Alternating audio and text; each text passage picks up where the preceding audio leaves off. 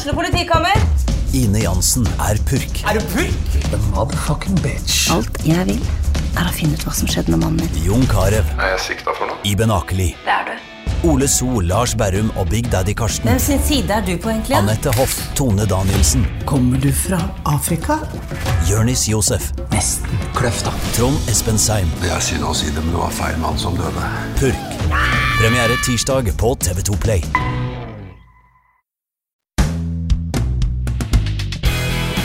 ADK Rør. Vi har spesialisert oss på energiløsninger og spesialombygging av konteinere.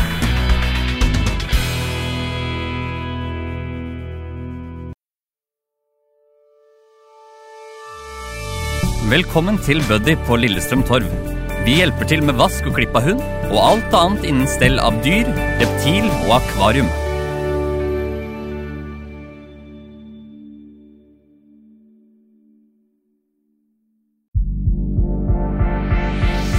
Johansen og Sønner AS. Leverandør av kjøkken, garderobe, dører og vinduer.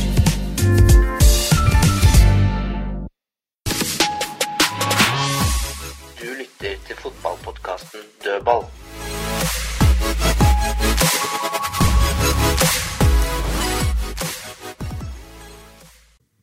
Da er vi tilbake med en eh, ny dødballsending. Nå har det faktisk vært spilt to kamper for LSK. Vi har Kristine på ferie, derfor så har vi med oss eh, deg, Karina Oppsand, i dag. Hei, hei. Hei.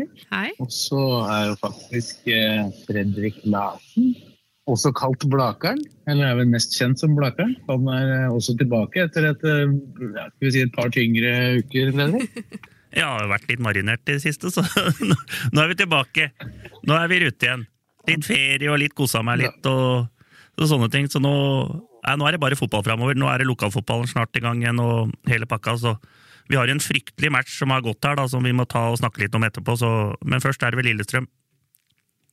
Vi kommer veldig tilbake til lokaloppgjøret i andredivisjon. divisjon. Og så har vi jo den alltid tilstedeværende Tom Nordli. Velkommen til deg òg, fra Skien. Ja, takk for det. Jeg satt her i går og så på Lillestrøm istedenfor å være på å se Odd Vålerenga, som var bare ti minutter unna. Men han må jo følge med på, på fugla. Godt Der, valg. der forsto jeg at det var mest, mest, mest pauser i den kampen.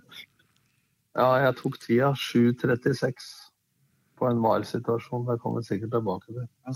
Vi får diskutere.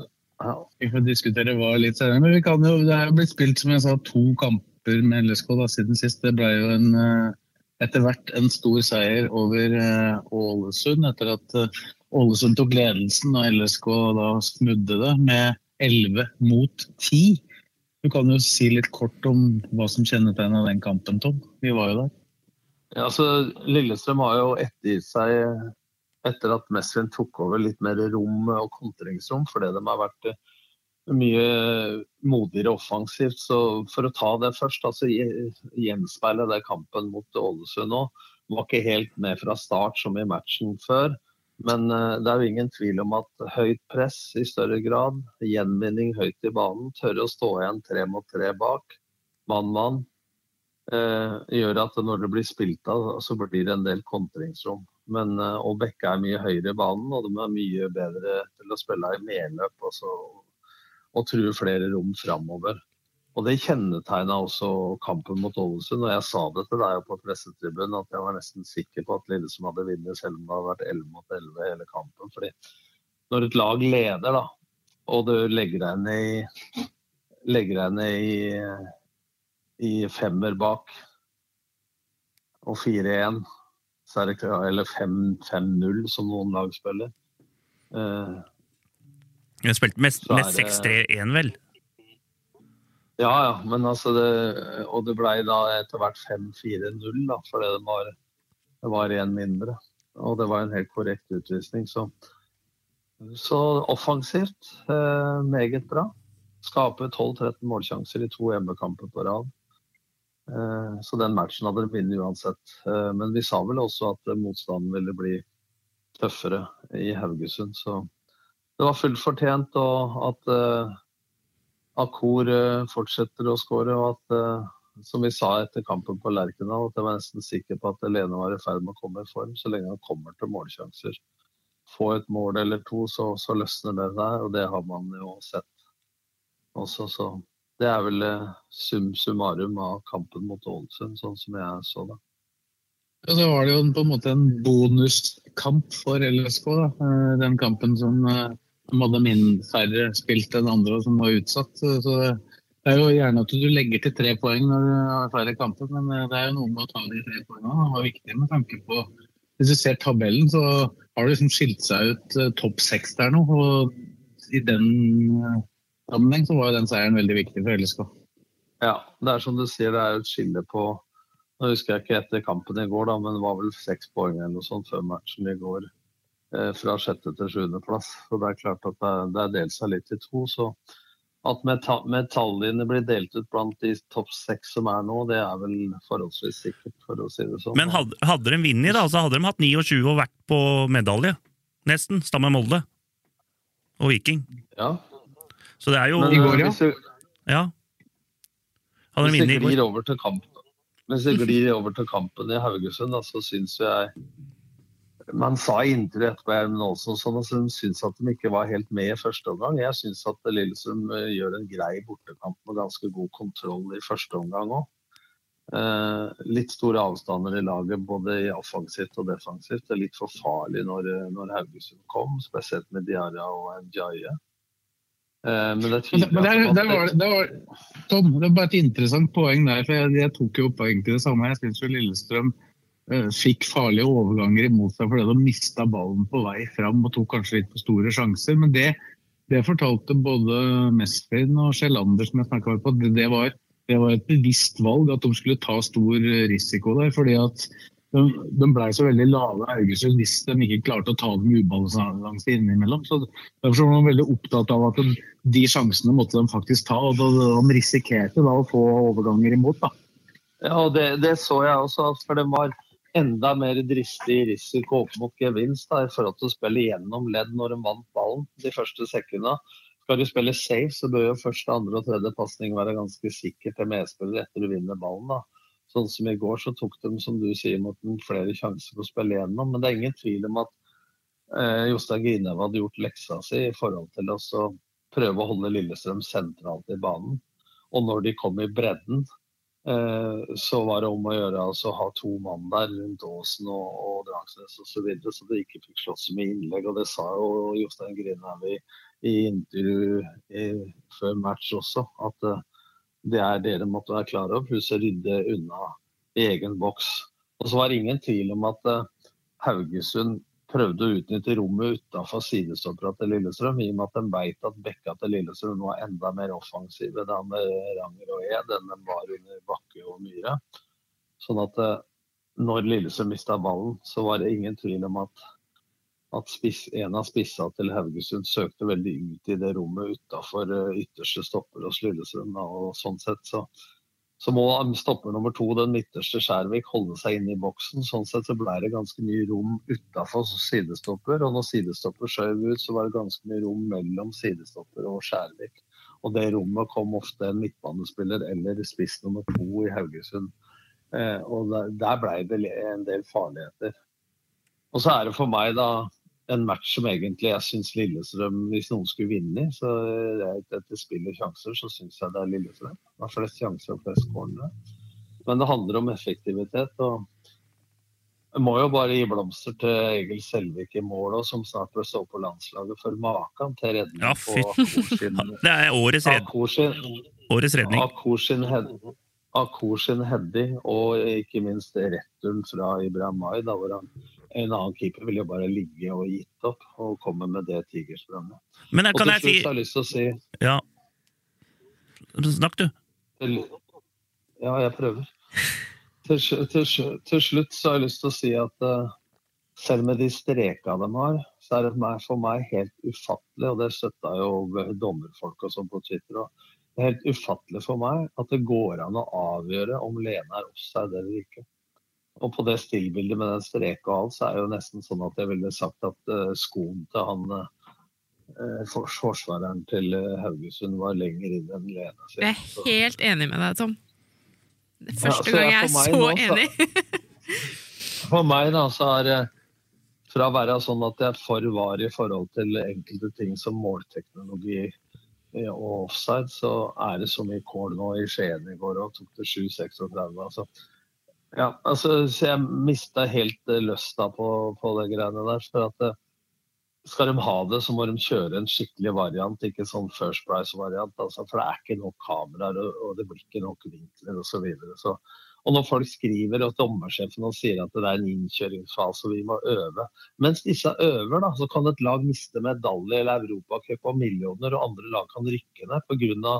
at folk eh, ikke greier å Det er ikke VAR i seg sjøl som er problemet. Ja, det er problemet i mitt hode, da, men det enda større problemet er jo hvordan det brukes og håndteres.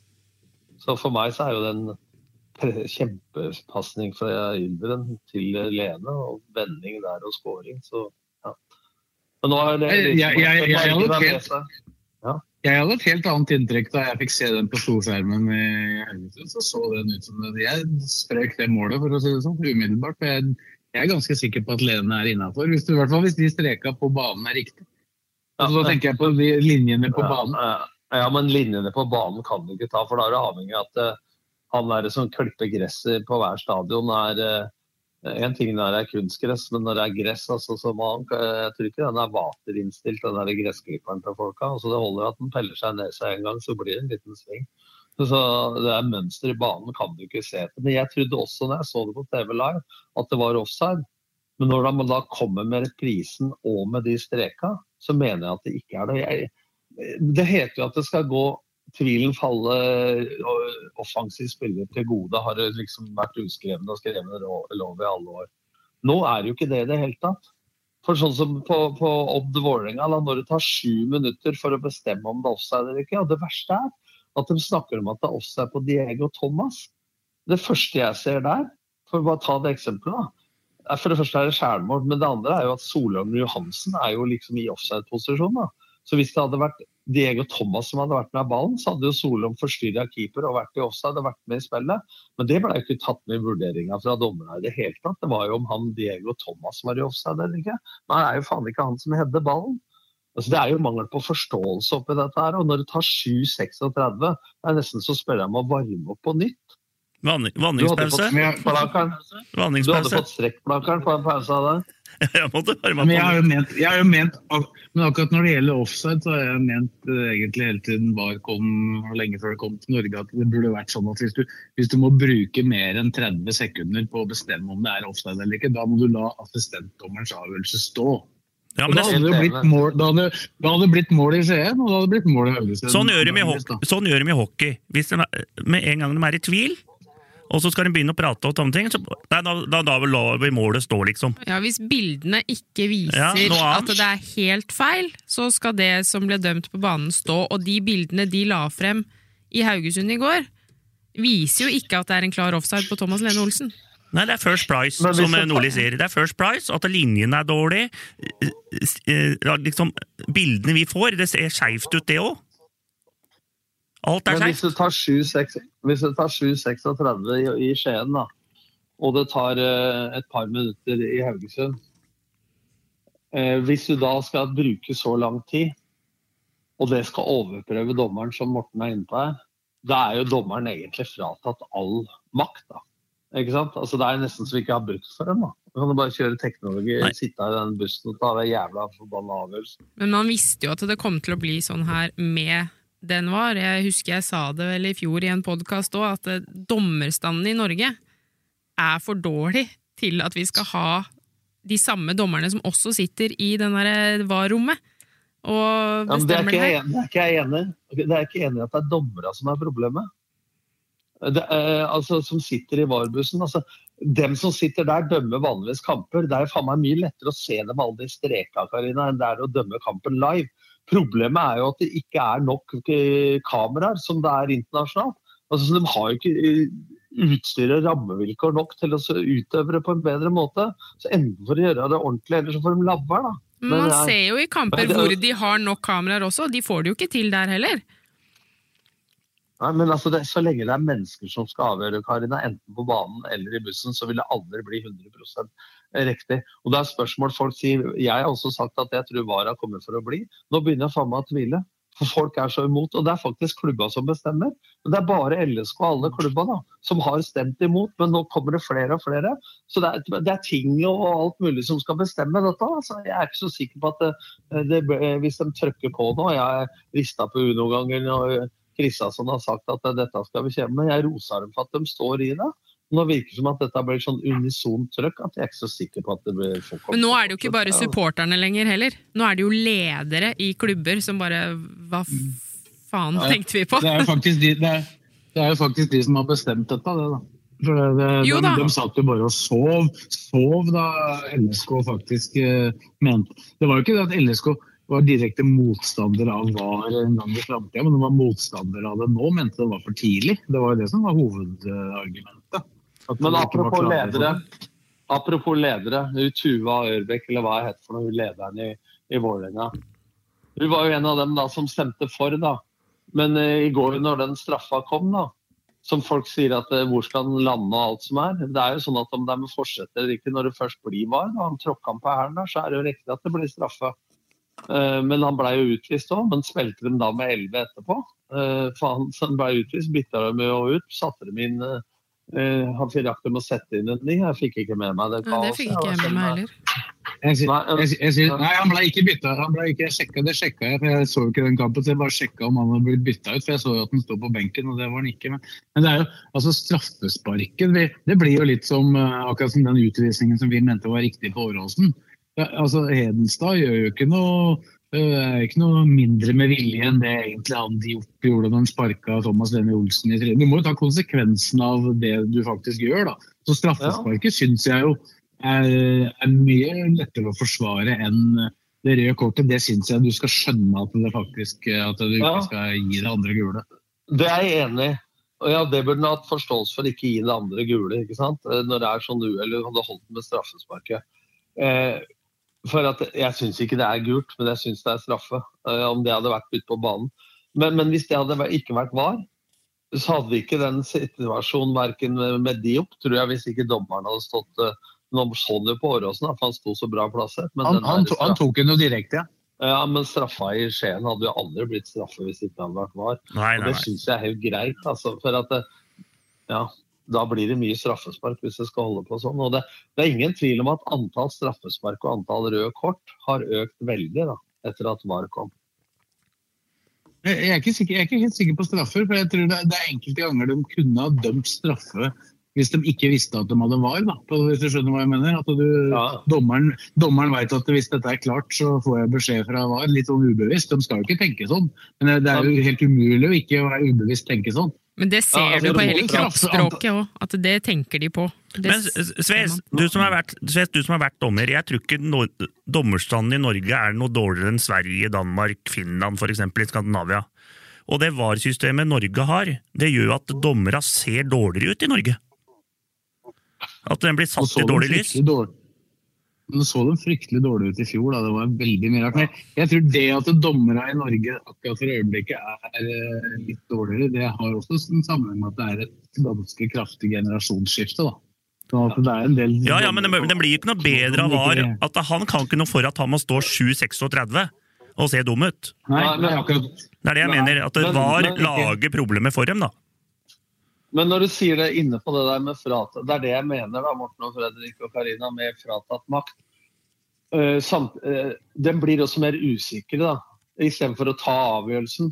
Så er det jo flere ganger når de har tatt avgjørelsen, og da får de kjeft for hvorfor ikke la det bli mål først. Sånn som den der Kille Olsen-skåringa mot Lillestrøm på Intility. Ja, de er usikre. Eh, hadde de latt dem gå i mål, så kunne de tatt det. Og det har ført til kritikk på det. Det gjør nå at de latt situasjonen gå, og så, eh, så tør de ikke å ta avgjørelser, så de blir mindre bestemte, og så venter de på at Ar- VAR skal hjelpe dem. Så jeg mener jo at det, du fratar litt makta og autoriteten til dommerrollen, ja da. Ikke sant? At de står der med og venter på støttehjula sine. Jeg tror ikke det er bra. Nei, det er ikke bra. Nei, ikke. Så Og det, er, og det er vel på såkalte faktaavgjørelser, som man kalte det. Haugegård. Det er jo, de kaller jo offside for fakta, for det er, det er svart eller hvitt da, i utgangspunktet. Men det er jo ikke alltid det er det, da, når du ikke har gode nok bilder. Men man hørte jo litt Nei, på Terje Hauge i fotballkveld i går også. Det er jo en sånn De har jo bestemt seg veldig på hvordan de skal håndtere det her, som vi snakket om før vi gikk inn, Fredrik. Med hvor han litt sånn hånlig sier at ja, det er veldig hyggelig å få komme og bidra litt faglig. Du hører jo at det her er det bestemt hvordan de skal Altså, De har jo bestemt seg på forhånd hvordan de skal håndtere ting. De åpner jo ikke øyer og ører for å høre tips, tips Nei, det jo- og det som blir sagt. Det er jo faktabasert, som Morten sier da. Ikke sant? Også litt offside og litt sånn, jeg skjønner det. Men det er jo det som fratar hele sjarmen og entusiasmen rundt det. Når det skal begynne I går så brukte hun sju minutter på å finne ut at spilleren var 15 millimeter onside. Og hvordan i helvete kan de ha bilder som avgjør at det er 15 millimeter onside? Da lurer jeg på hvor mange millimeter Thomas Lene var offside. i så fall. Men der gikk det ikke an å ha millimeter, da, for da hadde de ikke så mange kameraer som i Skien, f.eks. Ikke sant? Altså, det blir sånn at det er tilfeldig om det er TV-kamp kvart over sju, om det er en stadion som har nok kameraer, eller om det er mindre kameraer. ikke sant? Det er, det er Meny noen steder, og så er det Kiwi noen steder, og så er det First Price noen steder. ikke sant? Det er jo det som er hele greia, for det er forskjell fra stadion til stadion nå. Det er bare tull. Bare tull. Det oppsummerer det ganske Ja, vi, greit. vi får ikke redda det VAR-greiene her. Men vi kan si hva vi mener, Jeg og har det en, er fø- jo ja, jeg har, jeg har en følelse at vi kommer til å prate om VAR seinere òg. Men Ja, ja, ja. Vi, vi kan kanskje, av, vi kan kanskje avslutte det for i dag. Ja, men bare for å avslutte det, da. Man diskuterer Hæren flytter meg dommere oftere etter VAR kom, enn vi gjorde i fjor, da dommere hadde tidenes dårligste sesong. Det sier kanskje sitt. Det gjør nok det. Så, så vil jeg jo tro at det over tid vil bli bedre. Da. Men det er som du sier, det kan jo få veldig store konsekvenser for mange på veien til at det blir bedre. Jeg husker jo, som følger Premier League såpass tett, så husker jeg jo det første sesongen i Ja. Premier League. Det var, jo, det, var, det var faktisk mye verre enn det vi har fått. Ja, det var straffe i hvert Det var straffe, var straffe på hver corner, da. Ja, det var så fælt. Det var så fælt. Det var straffe på hver corner. kanskje, kanskje de skulle øvd litt lenger da, på disse treningskampene sine og sånn i, i lengre tid før man Det blir som en turner, som jeg har sagt før, at han har tatt trippel salto en del ganger på treninga før han tar ut i konkurranse. Kanskje de skulle øvd ei stund først. Det er en del sånne justeringer som blir gjort underveis. Da. Men det er klart, nå har jo veldig mange andre land eh, hatt dette en stund. Altså, det har jo på en måte må jo ha lært noe av det som er erfaringa i andre land. Men eh, Nei, Som jeg sa til Fagermo. Jeg sa, jeg sa til Fagermo og Deila en gang, når de gjorde en del av de samme feilene som jeg hadde gjort som trener. og Jeg trente jo Deila, og Fagermo satt på kontoret mitt i, i to sesonger. Så sa jeg må dere gjøre de samme feilene som jeg har gjort. Jeg kan jo lære noe av det jeg har gått på trynet på. Det blir jo litt av det samme. Mm. Er vi ferdig med kampen i Haugesund? Det var ikke, jeg syns jo ikke det var en dårlig prestasjon. og Nå så jeg jo intervju og hørte jo Grindhaug i går. Han, Ja, ja, han- han la seg helt flat. Egentlig kampen litt sånn som det er litt sånn som du sa, Tom, at hvis det var et lag som skulle vinne kampen, så var det vel egentlig LSK. Ja. Ja, og, men det er jo litt med marginer å gjøre, da. og det er, Han sa jo også det at det er faktisk lov å ta tre poeng i de kampene du ikke har fortjent. Da. Og, og sånn sett så har jo Lillestrøm vunnet noen av dem før i år, hvor de faktisk ikke hadde har skåret på overtid osv., hvor de ikke har fortjent det. Så man sier at det jevner seg utover en, eh, i løpet av en sesong, og det kan jeg tro. Det jeg ikke orker å høre på, er at det, i avgjørende cupfinaler eller kvalikkamper og sånn, så sier folk det jevner seg ut etter hvert. Da Nei, men, det men det er som du det var i Den kampen i går så var det det at Lillestrøm de har, hatt- det er, de har hatt litt marginer i kamper og avgjort på slutten, og sånne ting. Det er en styrke òg, men at de har jo den i går, så er det jo den offsiden der, og den redninga til han Det er lov å redde. Er lov å redde. Og, så expected goal, da, så var jo Lillestrøm 1,50 og Haugesund 0,5. Så Men- sånn sett, så jeg ser mye på det. Og det, det er eh, Det stemmer ganske ofte, altså. Så den matchen i går, ut fra det, så skal Lillestrøm vinne den matchen. Men eh, det er som du sier, at det er lov å ta tre poeng på hjemmebane hvis du scorer på den ene sjansen, da. Og Haugesund forsvarte seg jo godt, og keeperen eh, var jo litt utenomjordisk innimellom der, så Men den forestillinga jeg, jeg var jo jævla skeptisk for at folk var helt litt Lillestrøm sto på huet for de hadde vunnet to kamper hjemme mot de desidert to dårligste laga, mener jeg, i Eliteserien. Og så skulle hun bort til Haugesund. Det var liksom testen for meg, men jeg syns de var jævla gode, faktisk, i annen omgang. Og fortjente å vinne, syns jeg.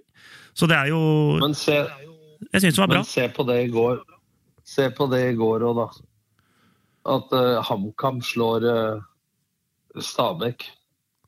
Det er jo et eventyr.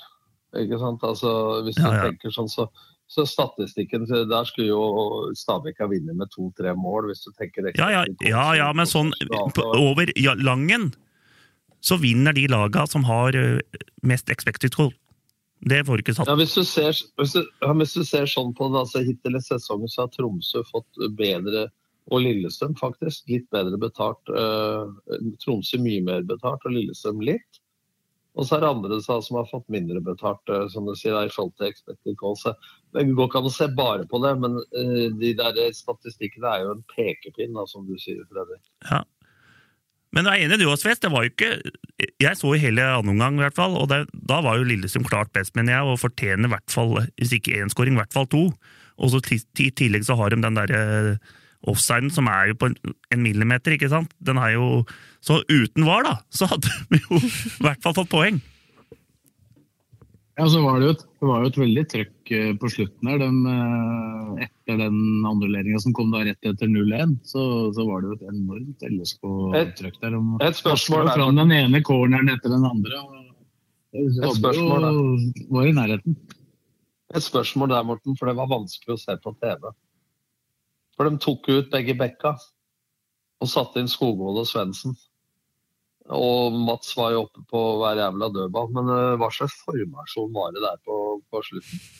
Jeg, tror, jeg oppfattet at de spilte med de Kall dem vinger, da, som wingbacker, istedenfor å ha to bekker som wingbacker. For, de, altså, for Haugesund spilte jo veldig på resultat. De satte jo inn en stopper ekstra. De, vanligvis så jo dem, slipper jo dem Krygård ned i midtbane, i forsvarsleddet, sånn som Vålerenga har gjort tidligere i år, eh, når de er etablert i forsvar. Men så satte de inn han Fredriksen istedenfor han Sande. Og da gjorde jo de den endringen at de var permanent med, med en femmer bak. Da. Ja, men nå tenker jeg Lillesund sin formasjon så ut som 3-2-1-4. Eller 3-2-5, da. Ja, det, er jo på en måte, det blir jo på en måte, for de var jo bare i angrep da, i den perioden. Ja. Men din gamle Ja, elev, da, Nordli, din gamle elev der, han syns jeg var bra, altså. Bruno. Ja da. Eh, Bruno er bra, men jeg bare, han har kommet i form. Men det jeg prøver å si, da, for å fullføre det formasjonsgreiene Det så ut som at det var tre bak, eh, to på midten. Og at eh, Yldren på, eh, eller Aasen ble en sånn slags mellomromsspiller. Og så var det to vinger og to midtspisser. Eh, Så det var jævlig trøkk der da, på slutten. Så det syns jeg er et bra grep. Da, at man der eh, gjør noe for å forandre kampbildet og enda mer trøkk på slutten når man ligger under. Da. At man driter litt i om det skulle bli 0-2. At man går for å poeng og seier. Ja, altså, jeg vet ikke om, om uh, hvordan reaksjonen var blant supporterne, men det er jo alltid en måte som har vært gjort bytte dit og datt. Jeg følte jo ikke at kampbildet og sånn kampen var akkurat uh, fram til det ble 0-1, at det var ropte på bytter, egentlig. Selv om det var tredje kampen Nei, men- på åtte dager. Kan jeg, kan jeg si det? Kan jeg si noe om der? Jeg, hadde, jeg er jo sånn at eh, nå, nå trener jeg femtedivisjon, og der blir det bytter. Det er sånn vi er eh, avtalt. Men hvorfor skal du bytte for å bytte? Hvis du har et press og sånne ting, hvorfor skal du gjøre det? Jeg har ikke aldri skjønt det. Ja, men, nei, men de gjorde jo ikke det i går. Nei, og det er jo, Hvorfor plager alle på at de skal bytte, bytte, bytte? Vi må gjøre noen bytter. Faen, De hadde jo presset på det. Da syns jeg at dem som er gode utpå der, skal få spille, ja. istedenfor bare for å gjøre noe. Ja, men det mitt innspill var jo at når de kom under 1-0 og det er en kvarter pluss tillegg, eh, da, at man gjør noe da for å så øke trykket enda mer, det, da syns jeg på en måte resultatet styrer litt uh, i tillegg. Ja, det, var- og da ble det ble jo to offensive bytter, da. Ja, nettopp. Men jeg er enig med Fredrik i det at eh, for, øh, fordi om du ligger under uh, kanskje tidligere i kampen da. Ta eksempelet jeg har tatt før i podder da, mot Ullkisa, hvor Lillesøm rundspiller Ullkisa. Men ligger under 2-0, og så bytter man til diamant i annen omgang fordi man ligger under. Det er jo ikke vits i, som Fredrik sier, da, hvis du kjører over motstanderen og det er tidsspørsmål før du skårer. Da handler det om å være litt som Bodø-Glimt, at du stoler på, på måte, den måten du spiller på. Men hvis det ikke funker, så er det jo noe annet. Så at det må være styrt av kampbildet i tillegg til resultatet. Da, mener jeg. Men nå regner et kvarter sånn som i går, og kampen er ganske jevn, litt overtak til Lillestrøm, at de da gjør to offensive bytter for å sette enda mer trøkk, det syns jeg er et godt valg fra benken. Da, må jeg si. Ja, og Det lyktes jo for så vidt også, da, for de fikk jo, det var jo fra de byttene ble gjort og ut kampen, var det jo et ensidig trøkk. Det var jo, var jo ofte, oftere at uh, Edens og Christiansen var på deres halvdel enn på egen. Jeg, jeg er helt enig, og det er ikke noe vits i, liksom, selv om du får 1-0 tidlig da, i annen omgang, så trenger du ikke å, by å få panikk og bytte med en gang. Det er jo klubber som gjør det, og trenere. Ja, nå må vi Der er vel, der er vel Lillestrøm tidligere år. Vi har jo kritisert dem litt for å vente for lenge med byttene, da, når det ikke har funka. Og det er jo en av Ja, men nå funka det. vært- Ja. Det er en av de tingene jeg syns har vært bedre nå, da, at man er litt mer spontan. At du ikke skal stå og tenke fra Dagsrevyen til Kveldsnytt før du avgjør dette. Ja, det syns jeg Simon har vært god på. Han har bytta det som har vært nødvendig og passa kampen, i motsetning til å på en måte ha nesten bestemt seg for at det uansett så skal den eller den ut eh, til det og det tidspunktet. Der tror jeg du skal dele ut litt blomster til Kippe og Hovelsmoen og Ja, det hele teamet. Skjellander, ikke minst. Ja, Sjelander, da, for jeg tror ikke Det er jo, det er jo faktisk, det er jo faktisk Sjelander som er mest aktiv på benken i løpet av kamper. Ja, men det har du sett på trening òg. Jeg har jo vært på to treninger uh, tidligere i uka. Og, og det er jo ingen tvil om det at uh, Simon har tatt den stillingen der for å ta media og trykk og alt det der, og er han som bestemmer til slutt. Men han bruker jo dem som er enda større fotballfaglig erfaring enn seg Mm. sjøl. Altså, sånn sett det er jo bra lederskap å bruke folk under seg på det man er bedre enn seg sjøl på. Teamet, da, har vært gode på å bytte etter kampbildet og ikke bestemt på forhånd. Jeg, var, jeg var litt spent faktisk når Skogvold sto klar der. Hvem, hvem bytter nå? Han kan vel ikke ta ut, de kan vel ikke ta ut Adams eller Lene Olsen nå, tenkte jeg. Så jeg var litt spent på hvor byttet skulle komme. Så jeg, jeg ble jo positivt overraska da det ble det det ble. Ja. Nei, som sagt så er det, er det bra. Og jeg synes det tidligere har vært, selv om de har fått mye rosa hos Petter og Geir, så har det ofte vært liksom bytt én spiller mot en spiller. Altså, du kan godt bytte hvis du har eh, trøkk på motstanderen, som Fredrik sier. Og folk er slitne, eller at du har to vinger da, eller to bekker, og så ønsker du å sette inn en annen spiller som kanskje har andre spisskompetanser for å forandre kampbildet, eller at du er samme eh, type spiller, men som har friske bein. Den skjønner jeg, men det har vært litt tendens til at man har bytta A mot eh, B, da, som har, er samme type ferdigheter. Nå føler jeg at man setter inn Ja, to helt enig. enda bedre offensive spillere for to bekker. Da. Ja, ikke sant? ja, å skjønner jeg hva du mener. bare for å bytte han, han som er best på den plassen som indreløper, da tar vi en ny indreløper inn. Det har ikke noe med saken å gjøre. Vi må, da er det bedre å gjøre som de gjorde i går. Sette inn to offensive spillere som kan lage trøbbel fr framover. Ja, for det, men der er det forskjell om du leder kampen, eh, eller om du ligger under, eller om det faktisk er uavgjort. Eh, altså, la oss si sånn at eh, Sånn som jeg har tenkt bestandig.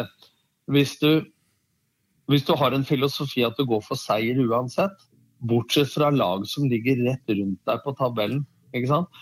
Altså, du går for seier uansett, men hvis du møter et lag som er rett rundt deg på tabellen, og du blir kjørt over, så kan det være lurt noen ganger å spille, seg, spille inn uavgjort da, og satse på ett poeng.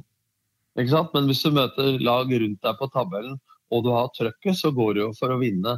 Så, alt sånn, men møter du lag som er langt bak deg, langt foran deg på tabellen, så må du gå for seier uansett. Så det er en del sånn å gjette sesongbildet, gjette kampbilde, se litt på tabellposisjon osv. For de kaller det for sekspoengkampen. Men det er jo ikke tvil om at noen matcher kan det være lurt da, eh, å få ett poeng framfor å være seks bak. Eller eh,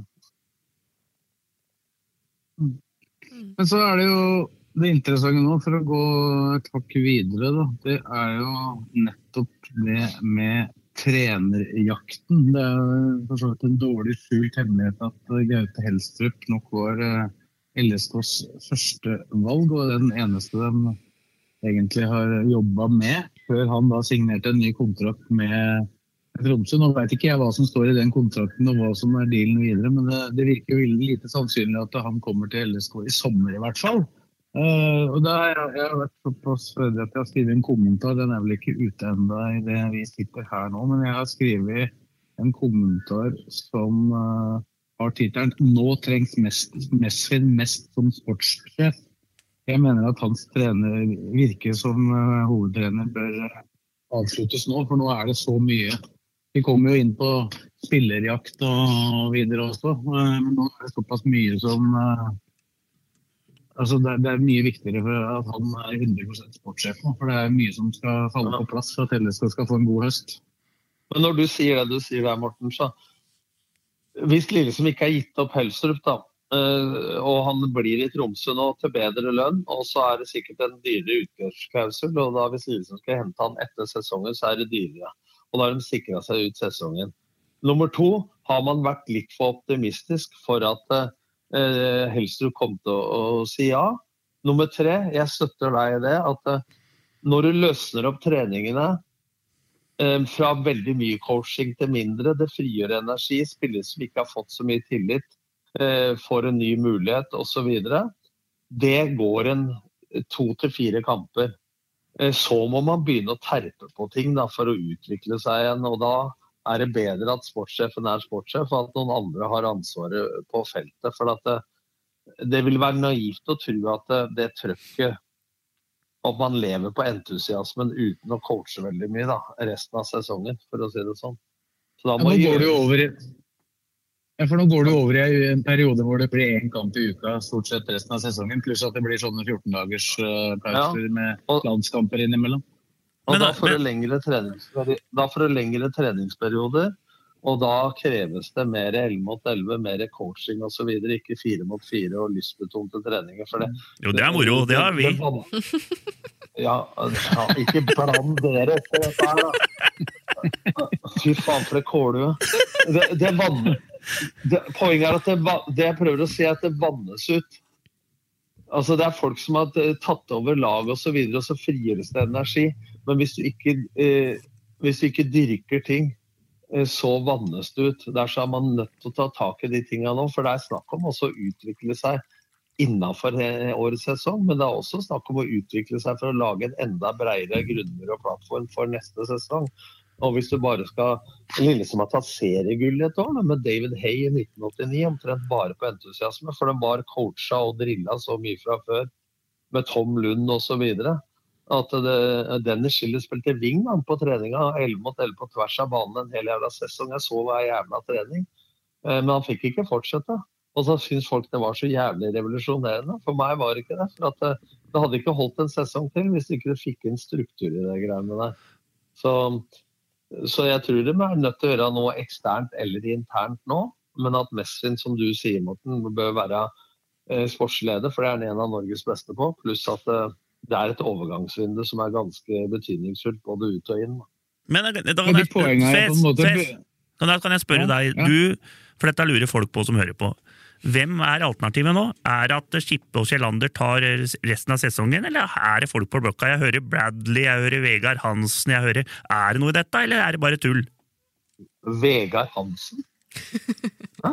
Jeg tror jeg hørte det, og jeg så det på Twitter. Jeg bare, jeg bare sier hva folk skriver og hører. Jeg så det på Twitter. Er det noe i ting, eller er det ingenting? Vær så snill, vær så snill å se hvem som skriver, da. Først, ja, ja, men jeg bare, Nå la jeg ut en sånn føler, bare. Altså, Sves veit jo mer enn meg. Jeg bare spør, jeg. Om det er noe Er det sånn at de har en litt sånn plan nå ut sesongen, at det bare Skippe og Kjellander tar det? Kanskje Helland blir med i teamet? Eller er det sånn at uh, nå For det er vanskelig å få en ny en rett nå, da? Ja, nei, Det er jo noen utfordringer her med, og Jeg må være ærlig og si at jeg veit egentlig ikke så mye om akkurat hva de tenker nå. for det, jeg tror de har eh, De var nok veldig positive til å få Helstrup, og det tror jeg vel egentlig så veldig bra ut lenge òg. Alt tyda på at det så bra ut. Og så om han da blei engstelig for å, for å bli uh, lynsja der oppe og å dra, eller om han, jeg tror han, Folk tror at han har fått så mye penger, det, det tror jeg ikke egentlig har betydd så mye for han. Jeg tror det har vært mye viktigere for han det med fasiliteter, støtteapparat. Han, har jo bygd opp støtteapparatet sitt i Tromsø mer eller mindre etter malen som LSK har bygd opp de siste åra. Han, han, er veldig opptatt av de sidene ved det. Det kan hende at de har innfridd noe der. da. Så, så det jeg tenker da, er at jo, ok, de har sagt at de skal innfri det, men så kan det hende han vil se han utover, uh, utover høsten, da, kanskje. Uh, og se kommer de faktisk til å innfri dette. Så kan det hende han har, med en klausul om at han kan forsvinne hvis de ikke innfrir det. Men det er, sier de selvfølgelig ikke noen på en sånn pressekonferanse. Ikke veit jeg noe om det heller. Kanskje han gjør samme tabba som jeg gjorde. Når jeg blei i Start istedenfor å gå til Rosenborg av følelser. Ikke sant? Altså, eh, jeg tror Tromsø samhandler med meg bra, blir aldri Lillestrøm. Og Start blir aldri Rosenborg. Uh, så jeg, jeg, tror, Men så er det mitt andre spørsmål. da. Det er greit at han er bra trener. Men er han så inn i helvete bra at du skal sitte og vente på ham et halvt år? Er det liksom det eneste golden opportunity som fins? Nei, glem, glem, det. Ja. ja, det lurer jeg der, litt på. Der mener jeg du kjører deg fast, kjører fast i et spor. da for at det er greit at han har bygd opp Tromsø. Det var ikke kjempesuksess i HamKam. Han var bra i Tromsdalen.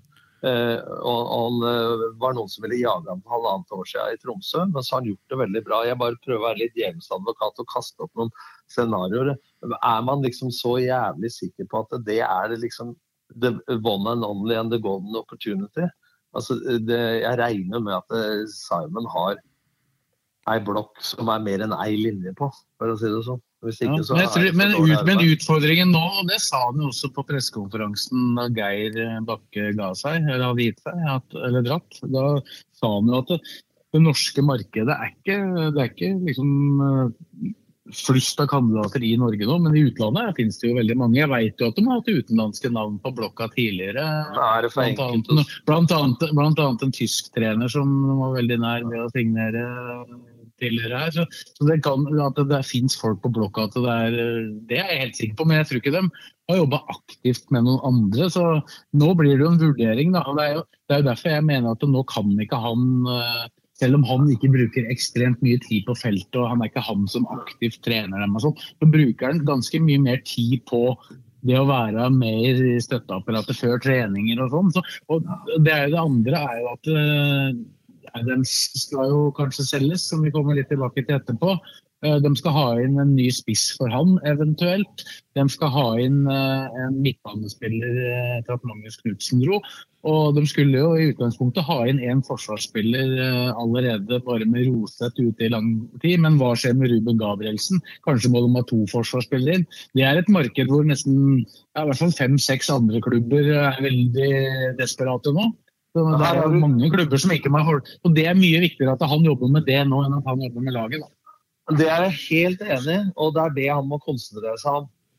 Men jeg blir for enkelt også. for det, det, er ikke sånn at eh, Lillestrøm og Simon heller har fasitsvar på alt. Det blir litt for enkelt at én sier at ja, det norske markedet er begrensa. Punktum. Ja, da har han rett. Ja, jeg er sikker på det? Nei, jeg, jeg, jeg, jeg, kommer ikke på noe Jeg har ikke noe gode navn, ja. Så i Norge Nei, ikke jeg heller. Men det er derfor jeg lurte på om du visste Nei. noe. Man må jo ha ja, noe på blokka? Ja, men Hvorfor sier jeg at det ikke finnes gode navn? Vet du hvorfor? For de fleste ledere ser kun på det som er hot akkurat nå. De ser på hvem leder tabellen, hvem gjorde det bra i fjor osv. Det finnes da i hele Norden en haug av trenere ja, men, som kan gjøre ja, en jobb. Har du noen navn du, da? Jeg sa ikke ja, men har noe, men har jeg har ikke brukt tid på det, men hadde jeg brukt tid på det, så skulle jeg gi meg en uh, time, halvannen, så skal jeg da komme opp med noen kandidater uh, som nødvendigvis uh, er innafor Norden. Men utad så har det jo virket som at LSK har hatt litt skylapper på, da. At det kun har vært Gaute Helstrup. Med uttalelser fra Kokkim og Simon og ting som har blitt skrevet. Altså, er ikke det også en litt dum strategi at eh, skylappene er så virker å være så tydelig på, da, utad. Nei, men, det, men, det, som er viktig her, da, som jeg tror vi må, må, egentlig må rose klubben litt for, da, det er at uh, For når du når Blakkaren lister opp de navnene som man har lest her og der, Så sett sammen alle de navnene som har blitt nevnt, da. Og så, og så finn en rød tråd, i måten de, de folka skal spille fotball på. Det, det fins jo ikke, ikke sant? Og, og det er ikke noe tvil om hva slags type trener de er ute etter. De er ute etter en type trener som vil spille den fotballen som de har spilt nå de siste kampene, som egentlig, egentlig jeg vil si er Geir Bakke-fotball med kanskje litt nyanser eh, mot mer ballbesittende. Men det er ikke i nærheten av den fotballen de spilte på slutten av eh, Geir Bakke og Petter Myhres tid. Ja. vil, eh, vil, og jeg vet jo at Christian Mikkelsen var på en måte en kandidat sist de jakta trener når Geir ble, Bakke ble trener. så var Christian Mikkelsen enn de vurderte. Det viste seg at det ikke var mulig å løse med Kristiansund uansett, og han ble uansett rangert som nummer to bak Geir den gangen. Men nå er ikke han så aktuell, for han befinner seg på en måte litt hvis du skal, du skal si venstre og høyre på den skalaen, men altså litt mer mot en kynisk, mer direkte stil enn det de kanskje ønsker. De ønsker noe litt imellom det og det de har hatt. da. Martin, det viser bare at Lillestrøm Hedvig har tunga rett i munnen. altså. For Hvis du har en filosofi at du skal utvikle egne spillere og du skal dominere kamper i et eget spill Når Christian Mikkelsen har holdt på i mange år eh, stort sett bare med å ødelegge for motstanderen og kontre, så er det for meg Da har du søkt etter eh, Erling Ja, han var nærmere, han var nærmere Geir Bakke da enn det. ja, ja, men hør meg ferdig, da. Altså, det er, da søker du etter Erling Folkvard når du skal ha Carl I. Hagen.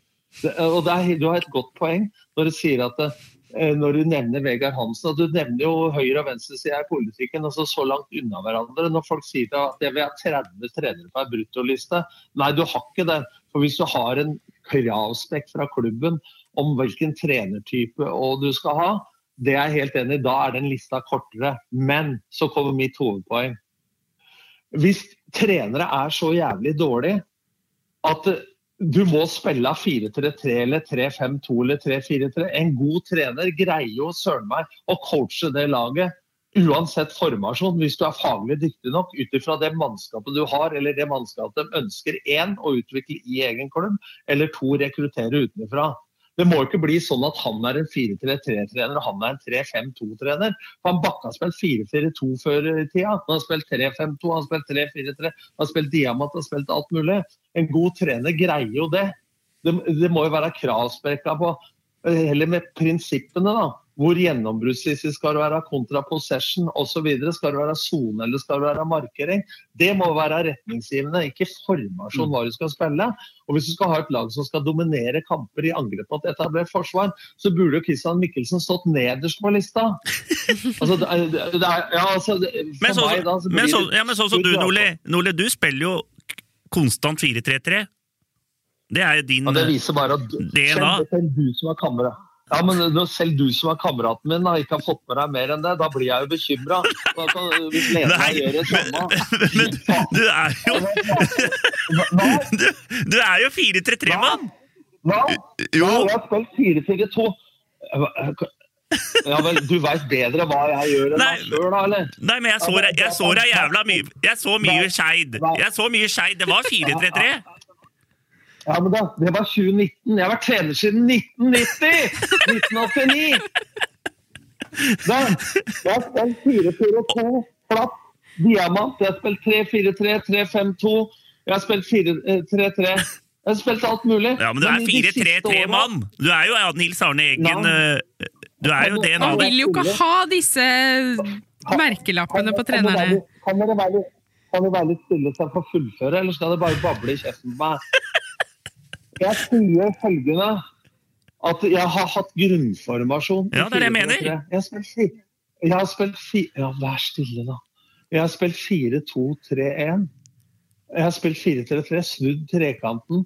Det, til og med selv om jeg har spilt 4-3-3, hvis det kan være stille til jeg er ferdig med resonnementet nå Tror du Nils Arne Eggen spilte 4-3-3 på samme måten med Gøran Sørloth som spiss, som Harald Brattbakk eller Jon Carew?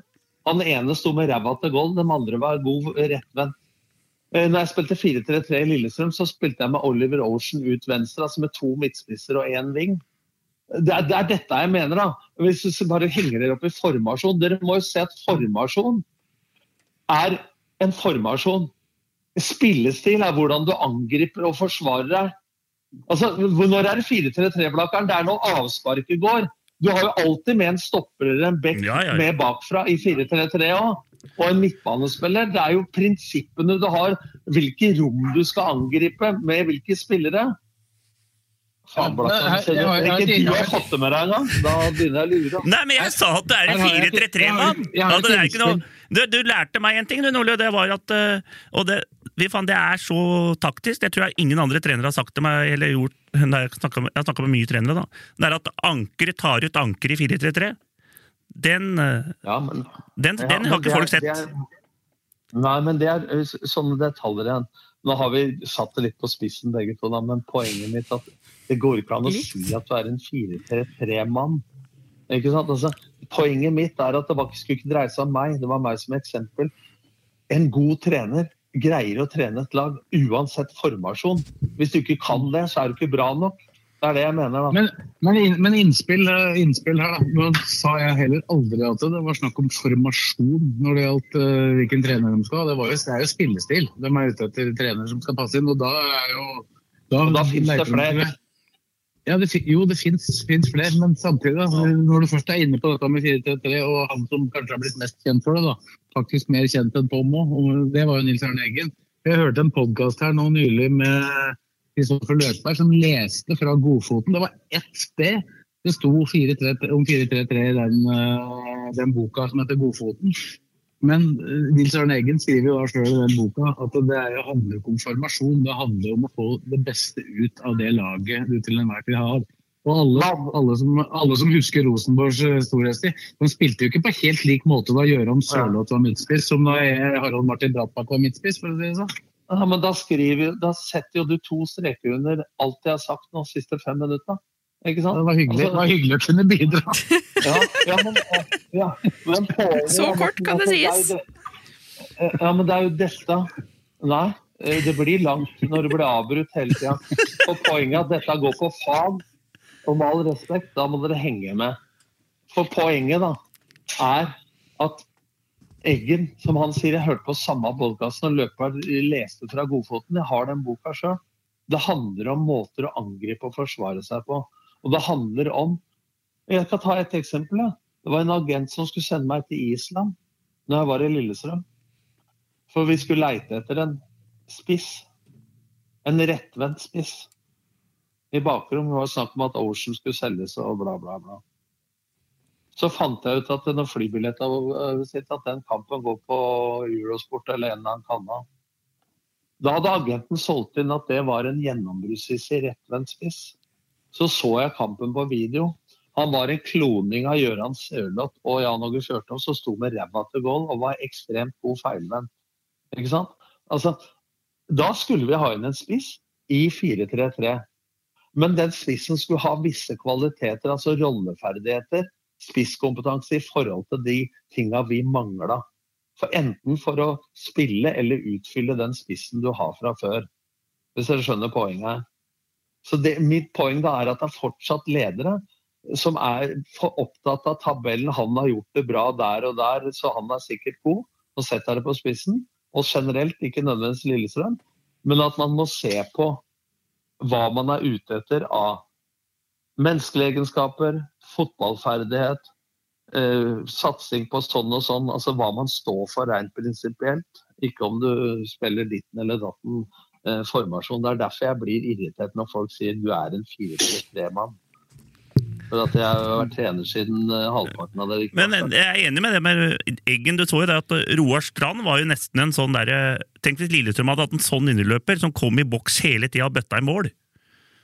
Det har ikke Lillestrøm hatt på hvert fall Ja, ja. tre, tre år. Nå svarer, nå, s- nå svarer egentlig på dine egne påstander og spørsmål. For indreløperne til Lillestrøm i år, når de spilte der 3-5-2, og samme i Obos-ligaen i 4-3-3, mm. så fikk Thomas Lene Olsen nesten aldri hjelp. Han var én spiss alene mot to eller tre stoppere. For det var aldri vinger eller indreløp som trua enig. stopper og bekk. Nei.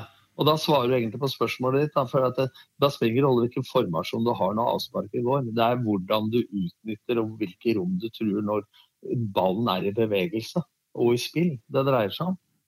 Er Det er hele poenget. Men dere som kjenner eh, Helstrup og trener eh, folk eh, rundt omkring og sånn, er han verdt å vente på, eller bør de bare glemme han og åpne æva for noen andre? Hvis det Jeg tror, jeg, jeg, tror, jeg tror ikke de i utgangspunktet venter, venter det. Jeg vet ikke om de føler at de har tid til å vente, men spørsmålet er jo hva de kan få tak i på kort sikt. Og hva, hvor sannsynlig det er at du kan få en permanent løsning på i løpet av kort tid. Det er, men det, er jo det, det jobber de jo med nå. Mm. Så Det er derfor jeg mener at det er ekstremt viktig at uh, Mesvin jobber først og fremst med det, da. og ikke, ikke leder laget. For det er, også Ja, hva- er jo det er jo viktig det som skal skje på spillersida her òg. Men hva mener du da, Morten, at hvis Mesvin skal konsentrere seg om det, som det er jeg helt enig i? Fram til de får en permanent trener på plass, om det tar én måned da, eller helt ut sesongen. Eh, hva er ditt forslag da, at hvem skal lede dette i den Der, der, der stiller jeg foreløpig uten et konkret svar. Det, jeg skisserer vel for så vidt enten må du finne en kortsiktig løsning utafor klubben, eller så, eller så må de finne en løsning med de Det er jo fire trenere da, kan du si, som er på huset, hvis vi kan kalle Åråsen for det. Det er jo da de to som har vært med nå, øh, med Messin. Og så er det Tony Ordinas, som har vært trener i Stabæk. Han er vel den som har mest erfaring fra Eliteserien sånn sett. Og så er det jo Pål André Helland som er juniortrener. Men alle disse har jo i utgangspunktet andre jobber. Og det er jo ikke i utgangspunktet ønskelig at dem skal Jeg tror ikke det er tenkt at noen av dem skal bli overtatt. Og hvis det gjelder da en kortsiktig løsning utafor Åråsen, så tror jeg det er veldig vanskelig å få en kortsiktig løsning eh, som eh, da vil godta og akseptere å være trener i 15 kamper og så forsvinne ut døra. Jeg tror, du, jeg tror de aller fleste ville hatt ei gulrot i, i enden hvis de skulle trene lede et lag i en halv sesong. Det er jeg helt enig i. og da er spørsmålet Hvis hun skal ta argumentet til Mesfin på alvor, da, som jeg i aller høyeste grad gjør, så var argumentet hans for å ta laget, som han sa i vår pod, det var jo at tross alt Kippe, Sjelander, Hovelsmoen eh, ville ikke sette det trykket på dem hvis det plutselig gikk dårlig, for de skulle jo tilbake i sine jobber. Og Da må jo det argumentet gjelde nå, da har du egentlig diskvalifisert de folka der. da. Så det er jo det eneste som ville ha tålt det trøkket med en erfaring fra før. da, Måtte vært Ordinas, eh, som du sier. da. Ikke sant? I så fall, Men eh, hvem skal ta den jobben så lenge da? Men da mener jeg man låser seg veldig. da, Det er mitt poeng. Hvis man, hvis man tenker at, eh, som Karina er inne på, han er bra, men skal, skal de vente liksom et halvt år på at, eh, at eh, han er det eneste rette? Da har man snevra det inn veldig, mener jeg. da. Altså, det er ikke sånn at han har funnet opp fotballen og den formasjonen eller måten å spille på som ingen andre har tenkt på i verden, for å si det sånn. Det Men så lenge en permanent trener ikke står klar på, på onsdag, når de vel da begynner å trene igjen mot HamKam, så må de uansett ha en midlertidig løsning. Så da er jo Jeg ser ikke bort fra at de kommer til å fortsette med det samme, men jeg mener at eh, det, det er såpass viktige uker for Mesvin nå. at eh, og han er en eh, arbeidsom fyr. Han kan jobbe nesten 24-7, han. Men det, skal jo må jo tenke litt på han òg, at han kanskje bør så Det blir spennende å se hva som kommer ut av det, det styret Altså, går det- skal ha senere i uka. Men jeg må jo si at jeg håper det ikke er styret som skal bestemme det. Jeg håper at Simon er det. Men så gjelder det at Simon som er i den rollen, da, som tross alt har lykkes litt, så skal det, det sånn var det med Fjørtoft også. Du skal være ganske bevisst og ha selvinnsikt da, på å skjønne liksom skomaker blir ved din lest. Hva er din største styrke? Er det det du skal drive med, eller er det det du skal drive med? Ikke sant? Ja, for det har jo gått, for det har jo gått bra, på en måte. Det er, selv om det Ja. det går, så har jo, har jo de, de, de åtte dagene vært, eh, vært bra prestasjoner. Ja men, ja, men hvis du ser sånn, da, så har det vært man management én til én. Det har vært å frigjøre energi eh, osv. Eh, for det er, det er jo ikke sånn at eh, spillere Hvis du overfører til individuell idrett, da, så er det ikke sånn at en langrennsløper mister treneren sin, så slutter han å gå på ski.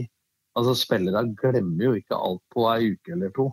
Eh, som de har drevet og coacha med Geir og Petter hele tida, så gjør de små justeringer. ikke sant? Men som vi sa i stad for en halvtime siden, så handler det om at eh, man må komme i gang med det igjen, så ikke ting de tross alt har trent på gjennom en hel preseason skal vannes ut. da. Ja, det er helt enig om for hvis de gjør det, da, det, da tror jeg de går i veggen. altså. At det ikke kommer noe ut Ja, av det. altså, nei, altså tror jeg det, da. All respekt til Kippe og til Sjelander og alle. Det er noe helt annet å stå og ha ansvaret for coaching-biten overfor ei spillergruppe, som igjen blir målt på resultater. Ikke sant? Altså hvis du ikke, En gang må du gjøre det, men det er noe helt annet å stå det, altså Den rollen har også ansvaret for det taktiske. Å være en formidler pedagogisk av det på feltet krever helt andre egenskaper enn på analyse eller på spillerutvikling og sånne ting. Man må respektere at innenfor fotballen så er det forskjellige roller. Det er ikke bare at er du fotballtrener, så er du fotballtrener. Er du 4-3-mann, så er du 4-3-mann. Det handler om pedagogen, det handler om beslutningstakeren, lederegenskapene eh, osv. Ikke sant? Og så er det jo et annet aspekt her ved det å ha en trener på plass, da, som alle vet. Det er jo akkurat også den spillerjakta som uh, LSK og Mesfin skal ut på nå, da, eller som de er i gang med.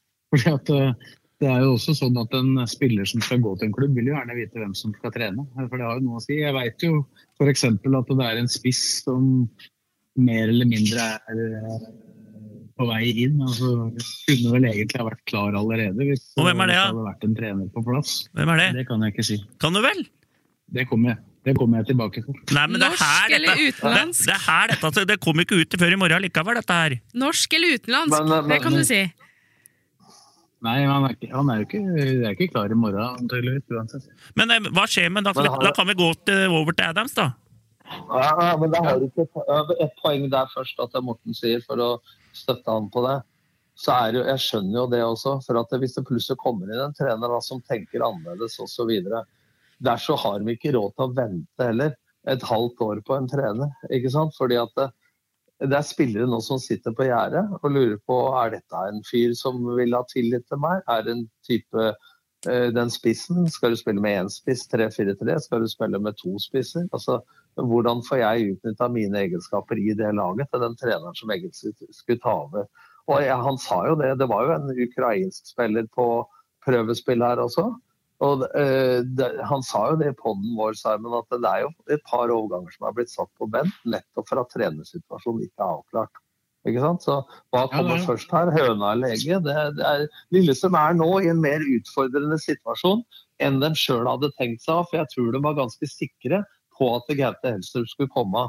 For Jeg tror de har en liten setback her nå, det tror jeg faktisk. Mm. Selv om han kan sikkert ha flere navn på lista, for såpass kjenner Simon at han er aldri uforberedt. Men jeg tror at de satsa så mye på én hest nå, og så gikk ikke det. Så da tror jeg på en måte at eh, man satt litt, eh, ikke sjakkmatt, men litt i sjakk. da. Mm. Enig. Ja, det, det er en mer utfordrende situasjon, ikke noe tvil. Men vi kan jo vinkle over på Adams salg. Det er jo Han sa jo senest i går at det er eh, stor sannsynlighet for at det kommer til å skje. Og da blir det jo minimum én kamps karantene. Så spørs det om det tumultene som eh, Du ble vel litt sjokkert i går, eh, du som kjenner Adams, Karine? Så Ja, jeg ble veldig Du bare så det svarte i øya på den? Ja, jeg ble veldig sjokkert. Jeg føler jo, som du sier, at jeg kjenner han ganske godt nå etter å ha prata ganske mye med han. Og jeg fikk ikke helt med meg alt som skjedde, for jeg satt jo og skrev samtidig, men eh, måten de liksom måtte bruke makt på å holde han igjen, og han skulle liksom ta dommeren og Altså, jeg, jeg føler at det må være noe mer bak der, så jeg er veldig spent på hva han selv har å si om det.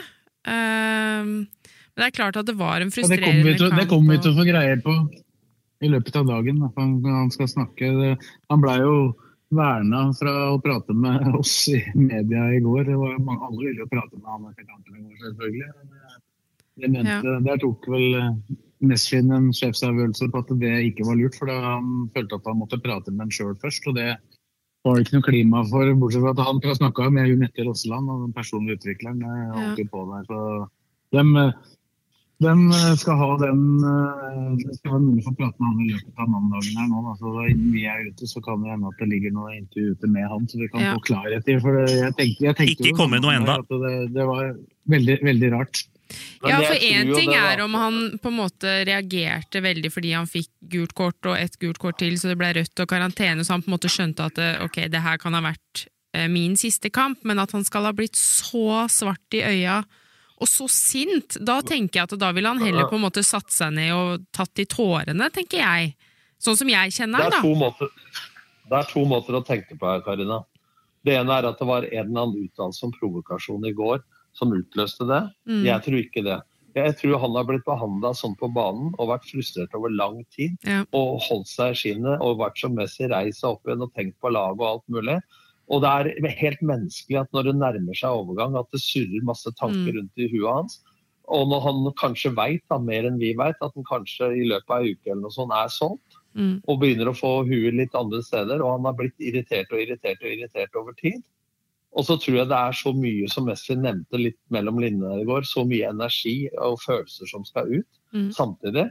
Så jeg tror han tenkte der at når han eh, kanskje tenkte at det var siste eller nest siste kampen allikevel, at han, eh, det rant over for han at han ga litt faen, rett og slett. Altså det blir, det, nå er jeg veldig mer inne på synsing, men hvis jeg skal eh, bruke litt av liksom opplevelsen man har hatt opp gjennom åra, og sett hvordan han uh, har vært i studio med oss, vært på Åråsen, alle treninger som Morten har sett, jeg har sett noen, og, og kamper og du, alt du har prata med ham så tror jeg det skal være veldig grovt hvis det er en enkelthendelse i går som får han så forbanna, som har Mm. vært så i balanse og, emosjonelt i balanse, da, som han har vært i hele tida i Åråsen, uansett hvordan han har blitt takla og behandla.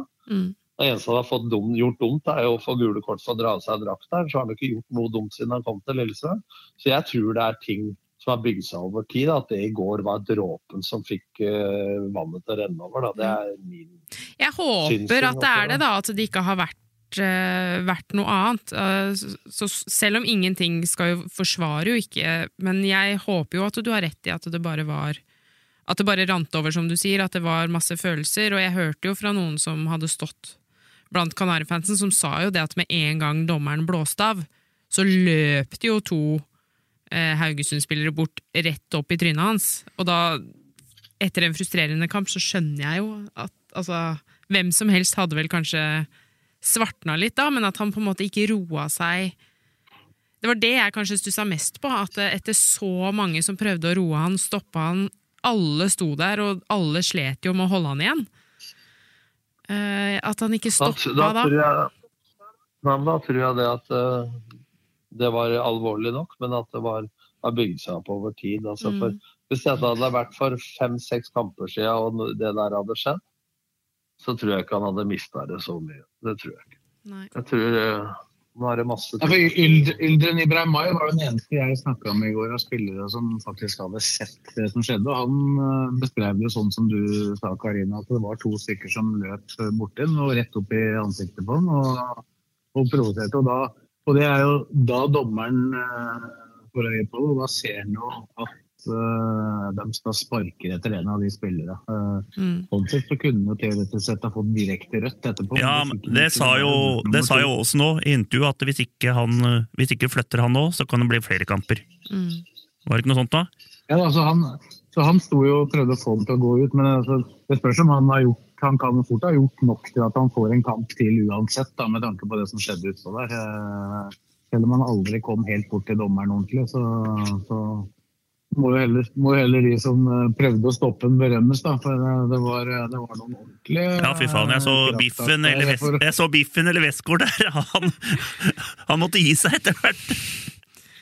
Ja, jeg, Jeg jeg, jeg, sa det, jeg sa det faktisk til Westgård etter kampen. og Jeg kjenner jo at han har jobba som, som frilanser, oss. jeg kjenner jo han godt. Så sa jeg at du, du måtte ut i noen uh, muskelkamper der, sa jeg. Så, ja, jeg kom til kort, sa han. Det så jo sånn ut. Og Kippe måtte inn der òg. Han sleit litt, han òg. Han sleit litt, Jeg han òg, det Jeg leste en vurdering i media i dag fra dommeren. Og det var at han kom ikke til å skrive noe ytterligere i rapporten, annet enn å la bildene tale for seg. sa han. At han Ja, det er- var det han sa til meg også. Ja, to gule og ett rødt. Altså to gule ble ett rødt, så Men han sa jo også til meg at han holdt muligheten åpen for at det burde vært gitt kort til eh, noen Ja. Haugesund-spillere. For jeg spurte ham om det, for det er jo det mest naturlige når det er clinch, er at ja. begge parter får. Så jeg tror jeg Hadde han dratt opp gult kort til enten han Reze eller han Fredriksen, som vel var de to som var involvert her, så, så hadde han jo på en måte treffet Vært ganske mye mer sikker på å treffe. Ja, Derfor tror jeg også at det er kanskje det som jeg håper, da. Eller at det, det lander på én kamp, da. Hvis det ikke skulle bli solgt. Nettopp at han sier det at, eh, at det var flere som skulle hatt kort, kanskje. At han uh, har lagt merke til etterpå at han har blitt provosert, men ikke fått det med seg. Så han ville at bildene tale på Tale Det er jo den urettferdigheten der jeg tenker at han kanskje kan ha reagert på, da, men eh, det ble jo veldig voldsomt. Da. Det ble en veldig kraftig kraftig Ja, reaksjon. men da får vi høre dette i dag, da. Hva som har skjedd. Ja, altså når vi er ute i morgen, så Vi kan synse og synse, men uh, Vi veit ikke hva som har skjedd. Sånn er det. Men hvordan ligger det an med 100%, og det salg og sånn? Hva vet du? Nei, det ligger jo an at det er klubber, veldig mange klubber som er Nei, men det, det, Dette er vel ganske sikkert er, ikke er dette- er ikke dette ganske sikkert at han går til den der eh, belgiske klubben som eh, han Boniface gikk til? Han ble solgt for Nei, 220 det- millioner fra Leverkosen nå? Han har vært Til Leverkusen? til den klubben, men han har vært på klubbblokken til den klubben, Union Saint-Gallo. Ja. Den belgiske der. Uh, ja, han har vært på blokka til dem, men han er ikke det lenger. Eh, De er ja. ikke interessert i han lenger. Å, faen. Så det blir ikke noe. Det kan jeg avkrefte på dette tidspunktet, hvis ikke med mindre de kommer tilbake. Når skjedde det at de ikke var interessert lenger? Nå. Nå? Det er jo samme, det er jo, det er jo samme agenten da, som har Ja, det er det jeg, ikke, det er det jeg tenkte. Er? Ja, det var det jeg tenkte, for De kjøpte han for 20 millioner fra Bodø-Glimt og solgte den for 220. Og da det- nigeri, Nigerianer på 22 år, og nå kjøper Adam for 50, da. Så har de gjort Ja, men eh, det var, det, de, de har vært interessert i den, men eh, de er visst ikke det lenger. Og de enten ment at han ikke er god nok, eller så sikter de høyere fordi de har fått mer penger. Ja, det kan fort være sånn, vet du. Men eh, hva, som er, hva som er konklusjonen, hvorfor de har kommet til den konklusjonen Men eh, det er jo engelske klubber på her, i championship da, fortrinnsvis. Og så er det jo franske og andre belgiske. Det er jo en belgisk klubb, eh, jeg klarer ikke å uttale navnet på engang. Loiven heter slutten på det navnet. Det, det er den klubben som har vært en bud på. Jeg er, best, men jeg, er mest, mest, jeg er mest bra på fransk, så ikke belgisk er jeg ikke så sterk på. Jeg er god på fransk, men Det, det viktigste her er å ha is i magen. Eh, Er det viktigste å ha is i magen, som Simon sa. For i det øyeblikket det blir to eller tre klubber som har det samme behovet, og som er interessert i samme spilleren, det har du sett på et par andre overganger fra Norge. og at det, Du ser bare internt i Norge med Christian Eriksen. Liksom når det ble Molde og Rosenborg som skulle ha han begge to, så plutselig for oss Molde, Molde og Bodø-Glimt, ja. Ja, Molde Bodø-Glimt så kosta han tre ganger så mye. Som han Rett, rett, før, rett før de skulle melde inn spillere til Europa. Da, det var et godt tidspunkt å selge. Ja, men Espen, kunne, Espen Olsen satt jo i de forhandlingene og fortalte om det. ja, man kunne gå for fem millioner, da, som var budet den gangen, til Rosenborg. Og det var uaktuelt. Og så kommer Molde og Bodø-Glimt på banen og begynner å kjempe, og så er plutselig prisen 15. Ikke sant? Det er det jeg mener, at hvis du får i gang de der mekanismene der, at det er mer enn én klubb som er altså Jeg driter i hvor han går. Jeg, håper det blir bra for uh, Akor. Men det jeg er opptatt av, er at Lillesund skal få mest mulig penger for den. Og da handler det om å få flere klubber. Eh, det blir som å selge en leilighet. Er det én på visning eh, eh, som bare vil ha leiligheten, eller er det fem av dem som var der som skal kjempe om det i budkrig? Det er jo det det dreier seg om. Sånn er mekanismen, og det nærmer seg overgangsvinduet her i Norge òg, men er oppe internasjonalt. da, Men at folk skal ha klare til, til, til spill i Europa osv. Så, videre, så er det det mekanismen man må håpe på. Mm. Men denne spissen, Sves, Ja, den jeg klarer ikke å den- legge ja, men den, den, helt den spissen Sves snakker om, han må jo være lik Adams på en måte som spilletype, da. Nei, det tror jeg kan avkrefte at han er. Men kan du si om han er norsk eller utenlandsk? Nå begynner folk å leite og nøste. Så jeg, jeg vet at han holder, eh, altså. holder godt elite- holder godt eliteserienivå. Her sitter vi som kollegaer og får ikke noe, av altså. Får en SMS av meg etterpå, Sves. Og hvorfor tror du Morten holder igjen dette? For hvis folk begynner å leite om det, så kommer det flere, kanskje man holder klubber på avstand. Ja, nettopp den mekanismene jeg sa nå, hvis det, mens de er i en prosess, det, klubben eh, eller spilleren lekker ut, eh, så er det plutselig mye dyrere for Lillestrøm å hente den. Altså, stagge nysgjerrigheten deres, dere to, nå, altså kanskje hvis de får den Ja, du, jeg Vi, kjenner er, deg. vi tuller, da. Du er like nysgjerrig, Glem, du. du. De skyter, de skyter, skyter, Ja, ja, glem det, skyter altså. med hagle. hag- De sitter med hagle, de som skal tippe hvem det er. Og det er klart Hvis du kommer ut med 20 nå, så er det en viss sjanse at det kan være en av de. Nordli, du må slappe av. Altså, du er ny- mer nysgjerrig enn oss to. Altså. Ja, nå er det jævla morsomt, for nå har først Blakeren konstatert at det er en 4-3-3-mann. Og Karina kjenner meg så godt at jeg er like nysgjerrig som dem. Så det er ganske interessant hvor godt dere kjenner meg. Ja. Det er, dere er ute og padler så jævlig. Altså, jeg er ikke nysgjerrig på det i det hele tatt. For jeg vet at eh, når Sves, når Sves erfarer det, så får vi vite det lenge før alle andre avviser det. allikevel. Så det er jeg helt rolig på. Dette har Sves og LSK full kontroll på. Jeg er ikke nysgjerrig i det hele tatt. Nei. Full kontroll vil jeg ikke si at jeg har. Nei, det, Men uh, det er vel ingen som har nå da, rundt Lillestrøm og hva som skjer. Nei. nei, det er sjelden jeg har vært mer usikker på hva som, blir løsningen, hva som er trenerløsningen i neste kamp. Nå snakka jeg om spissen, det er ikke trenerløsninga. Men, vi, men, Jeg prøvde å også, jeg prøvde å gi deg litt ros. men, eh, da vi, men jeg da tenkte på, jeg, så ikke jeg glemmer det, Ruben, åssen er det med han? Veit du noe mer om det, eller? Det var vel noen ytterligere undersøkelser. De har ikke fått svaret på de siste bildene, men eh, det er jo det er jo overhengende fare for at det kommer til å vare en stund. Og så er jo Roseth allerede ute. Tønnesen har tatt mye lengre tid enn det de eh, eh, trodde uh, da han kom tilbake fra ferie.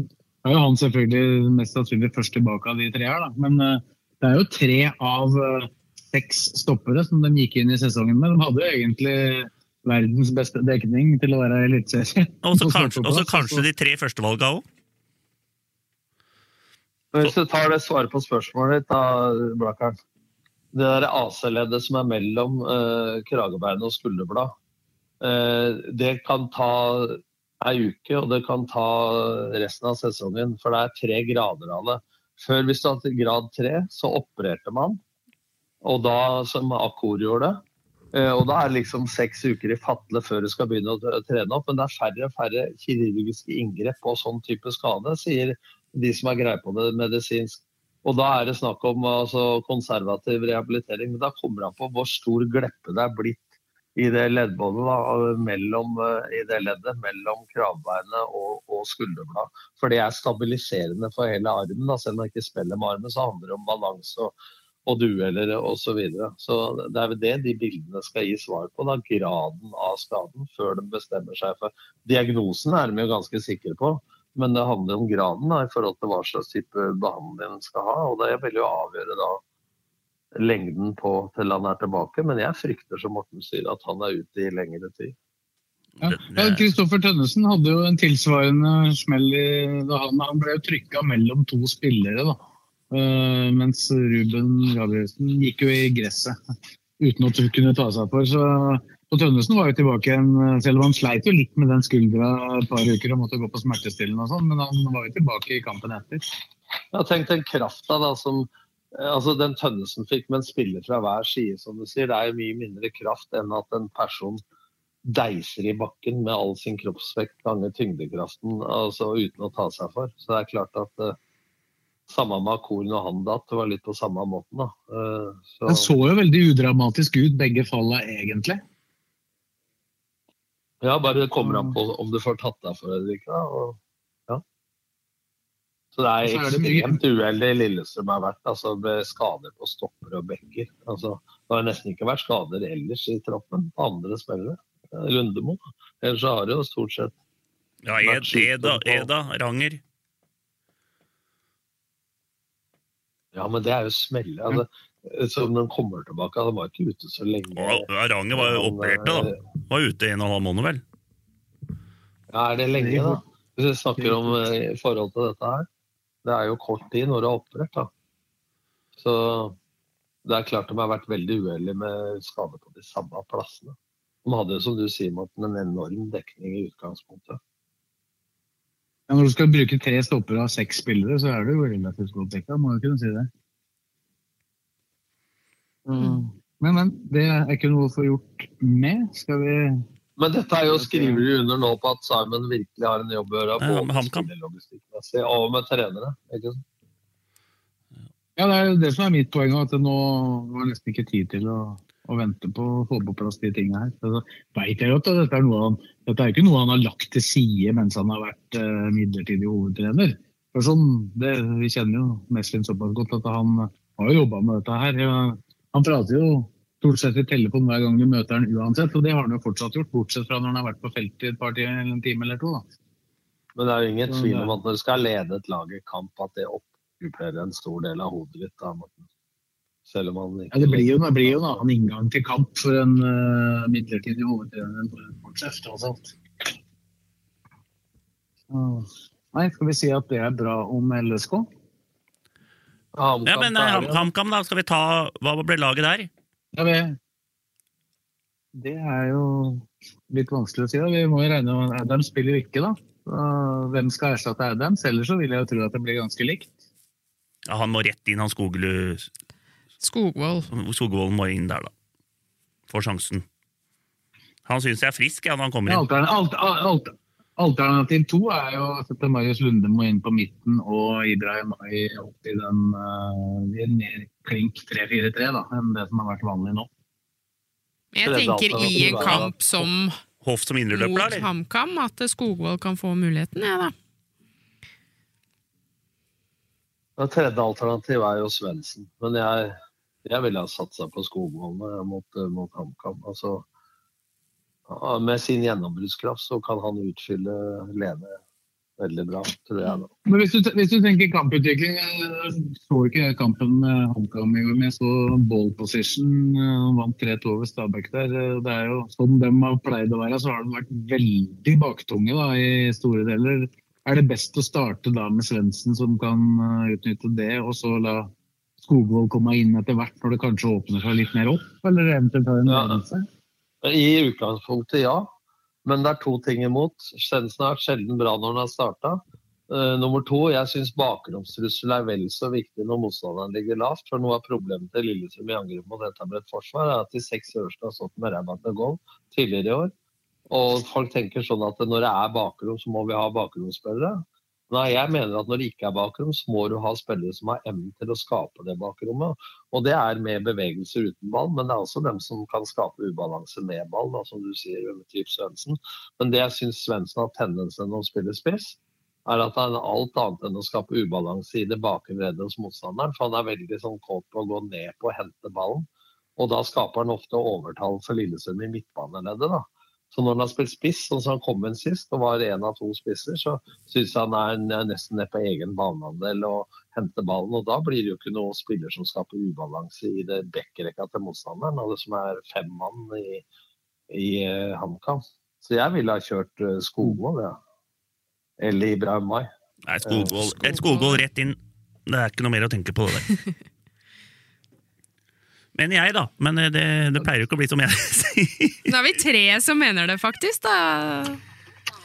Og Det er jo ikke Ja. dårlig. Og jeg, jeg angrer på at jeg var enig med dere to. Jeg, jeg, jeg, jeg, jeg sa jo ikke at Jeg stilte jo bare spørsmål, jeg sa jo ikke at jeg var uenig. Nei, ikke sant? Så, eh, sånn sett kan det jo være fire som er enige. Simon, hør på oss. Eller den som har Det, han, han, ansvaret. hører, jeg hå- han hører ikke på oss, tror jeg. Det tror jeg. Ikke hør på meg, Simon, for jeg er 4-3-3-mann, og så er jeg nysgjerrig.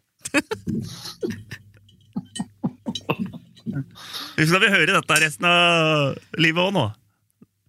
Ja, du har jo serva. Får jeg smashe. God smash. Vi i Kleva AS har startet opp med hjemmerenhold på Romerike. Gå inn på vår hjemmeside og se hva vi kan tilby. Et firma med alle godkjenninger.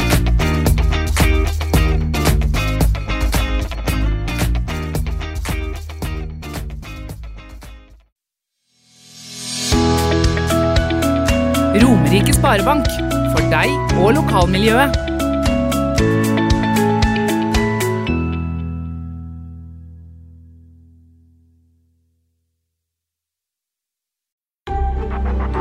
Advokatfirma Halvorsen Co. Din foretrukne advokatforbindelse på Romerike. Vi tar vårt samfunnsansvar på alvor, og vi jobber for å bidra til en bærekraftig utvikling i næringslivet og i samfunnet generelt. For mer informasjon, sjekk ut vår nettside halvorsenco.no. Sammen finner vi de gode løsningene. Optimera monter. Du bygger, vi tar oss av resten.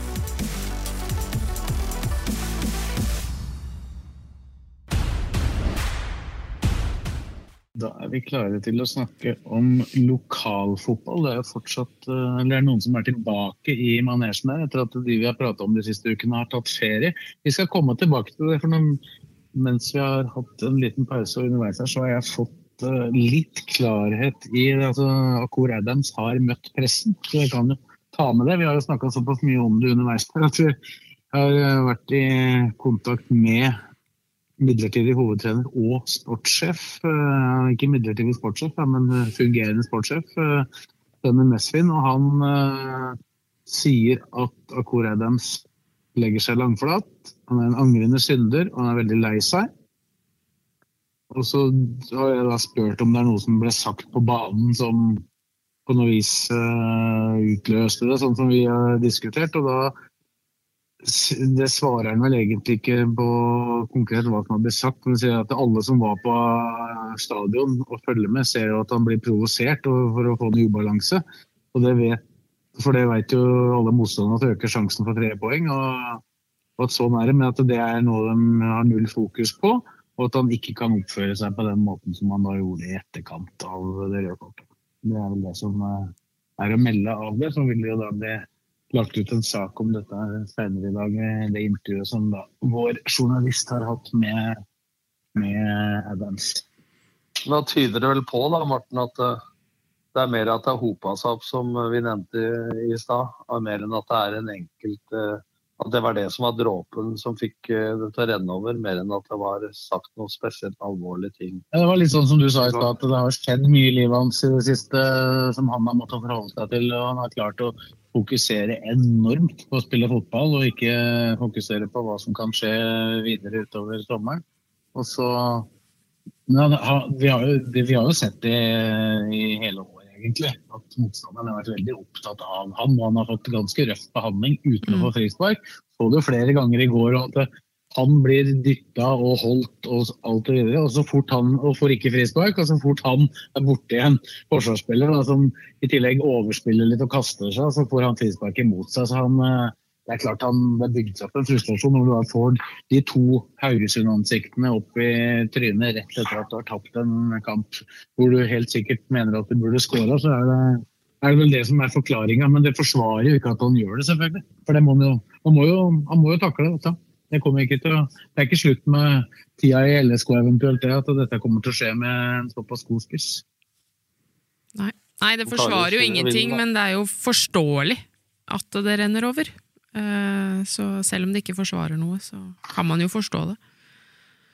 Men det kan jo være, som Morten sier, det er en læring på han eh, i, i framtida. Men, eh, men det er klart at det er frustrasjon over tid, og når du da taper i tillegg da Han har den headinga som Selvik eh, redder der, og returen fra Ibama, og så har den headinga på åpen goal der som han header utafor. Så det liksom Summen blir eh, for mye for han, rett og slett.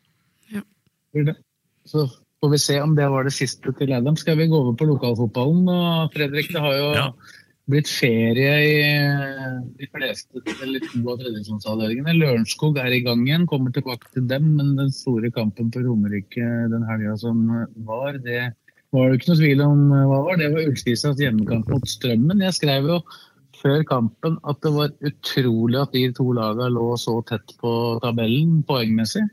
Det ble jo ikke noe mindre utrolig da det laget som da lå tre poeng bak det andre, vant. Og nå er A poeng Ullkisa Strømmen. Det er meget eh, sterk kamp som jeg dessverre ikke fikk eh, annet enn så vidt fulgt med på. Ikke fikk sett i dette, men du, du, du var vel der til og med, Fredrik? Ja, jeg var der. Og nei, først skal jeg skryte av Jeg kom der med frilanskortet mitt fra RB. Blei sendt opp på vippen, men før jeg kom dit, da, så kom materialforvalteren til Ullkisa. Du, vil du bli med inn i garderoben og møte Bobo? Jeg gikk inn i garderoben til Strømmen, satte meg ned der, tok en, eh, litt saft og prata med Bobo. Så sa jeg, sa jeg til henne at du veit det nå, jeg har sånn aura over meg, så at nå, nå kommer Strømmen til å vinne her, sa jeg til henne. Ja, det tror jeg på, seg. Og så gikk jeg opp på vippen, der fikk jeg noen nydelige pølser. Ikke sant, Wienerpølser. Lompene litt sånn, han var litt enig, han som sto der. Ja, lompene er ikke helt bra, det er Gjøvik-lompe og Olalompa, vi må vi ha videre? Helt riktig, og vaffel i pausa, og full pakke. Helt fantastisk å komme opp på Jessheim der. Men tilbake til kampen. Ja. kan jeg så hele kampen. Ja, når jeg hører på deg nå, så tror jeg nesten at det er du som har blitt matchvinner. Nei, jeg skulle bare si det at det var veldig fin velkomst å bare komme opp der, og jeg elsker jo Bobo å komme inn der og fikk litt saft og slappe av litt, så nei, men uh, Ja, nå, må, må, Hvis folk er i tvil, du, det var jo på Jessheim det var. Altså, det var Ullkisa som var gjestfri, og så Ja. var det Bobo som uh, fikk trua når han fikk se deg. Nei, det, det vet jeg ikke. Det var litt spøk, dette, da, men det er jo Jeg fikk i hvert fall uh, prata med han før kampen, og det var bra stemning der, skjønte jeg. Så gikk, vi, nei, gikk jeg opp, og så begynte jeg å se på kampen. Og da jeg blei fryktelig imponert, og det, det jeg blei mest imponert over, det er jo ikke Det er jo ikke um, resultatet på den måten, men at hvordan Strømmen framstår som spillere. Hvor unggutta er så trygge på seg sjøl. Det er uh, spiller ut bakfra.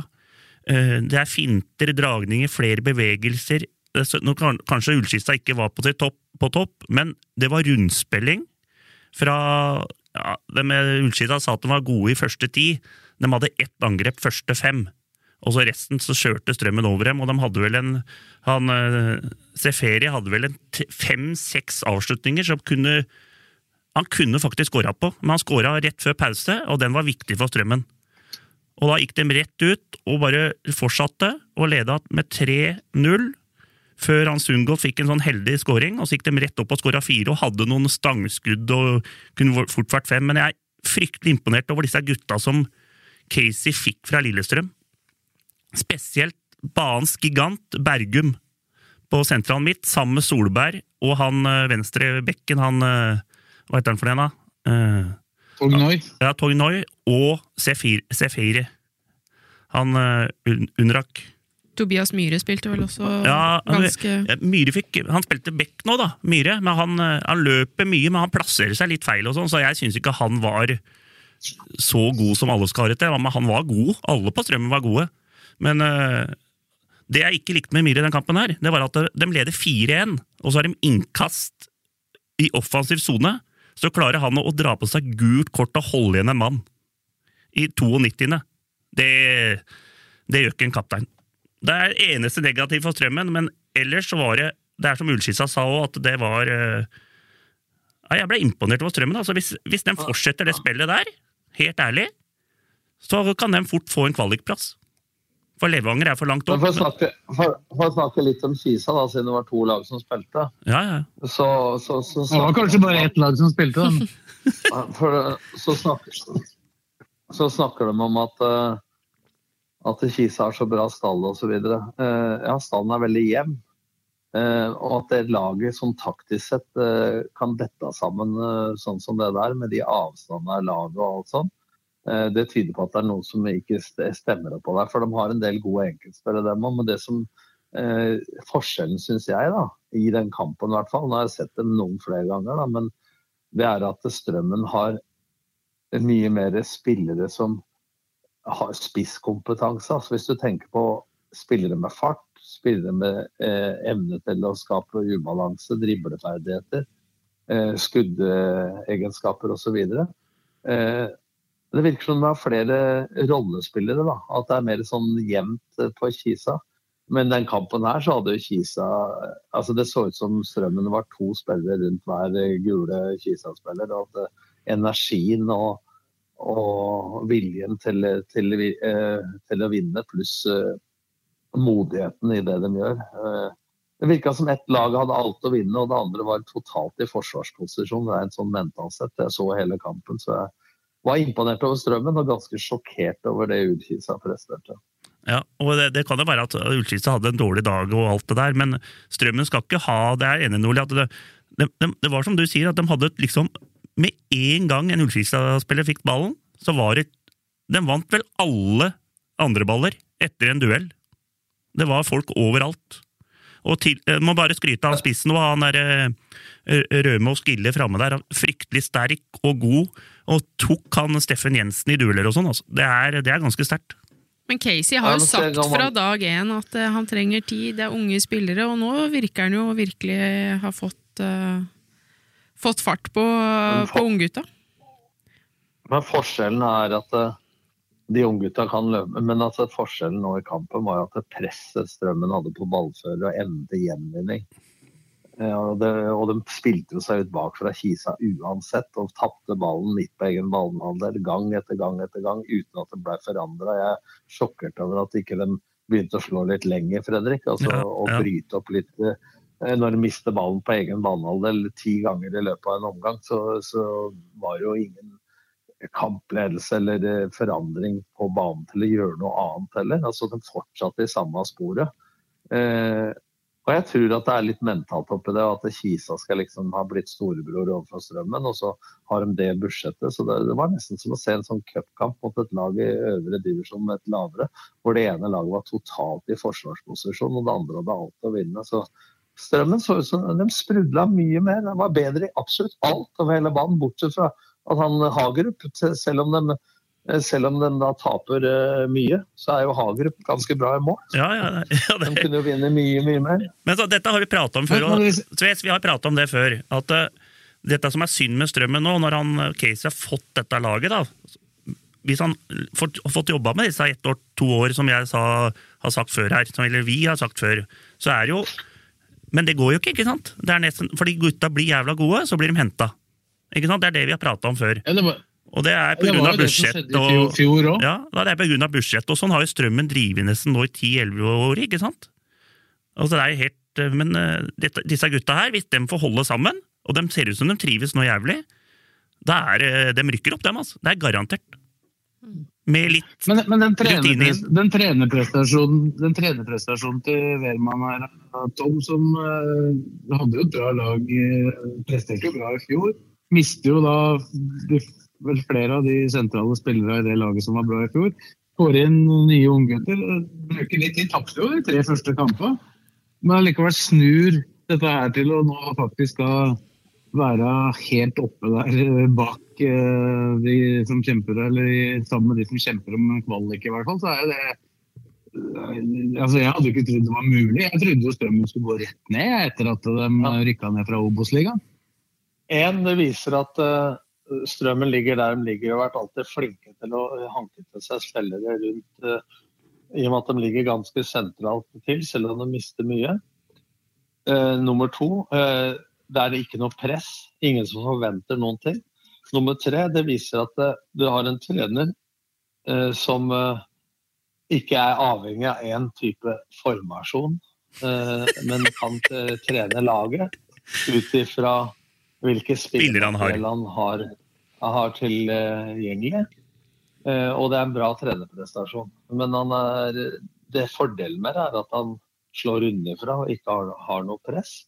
Og at uh, han er nesten som Espen Olsen han gjør alt utenom å kjøre traktoren og ikke har noen assistenttrener. Så det er jo uh, blomsterbukett uh, til Wehrmann. Og han begynner jo Han var jo og spiller, og god spiller med god erfaring og, og taktisk kløkt. Og så var han jo fersk som trener, men nå har han jo fått prøvd seg kanskje i type divisjoner som kanskje er vanskeligst å være trener i. Da. For jeg påstår jo det at Post Nord tilhører en del av toppfotballen. Samtidig så har du lave budsjetter, spillere jobber ved siden av, bortsett fra i Kisa mange. Eh, så det er liksom Det kreves det samme som i toppfotballen, men du har ikke i nærheten av de samme eh, rammevilkåra, verken økonomisk eller eh, fasilitetsmessig eller eh, tid til hvile osv. Så, videre, så man må balansere den belastninga der. og så ja, jeg er imponert over hvordan man har satt sammen det Strømmen-laget. og Det viser jo at spillere også Bergum satt jo på benken i Ullkisa mye i fjor ja, og dominerer. Det skjønte ikke jeg, da, men ja, det, Nei, men det, samtidig så hadde jo Kisa i utgangspunktet et mye bedre mannskap da, enn det Det var Mathias Blårud, Tommy ja, han, var han var ikke med nå, han var ikke med nå da. Blårud. Så de hadde, hadde jo Obos midtbane, egentlig. da, Han var der i fjor, ikke sant?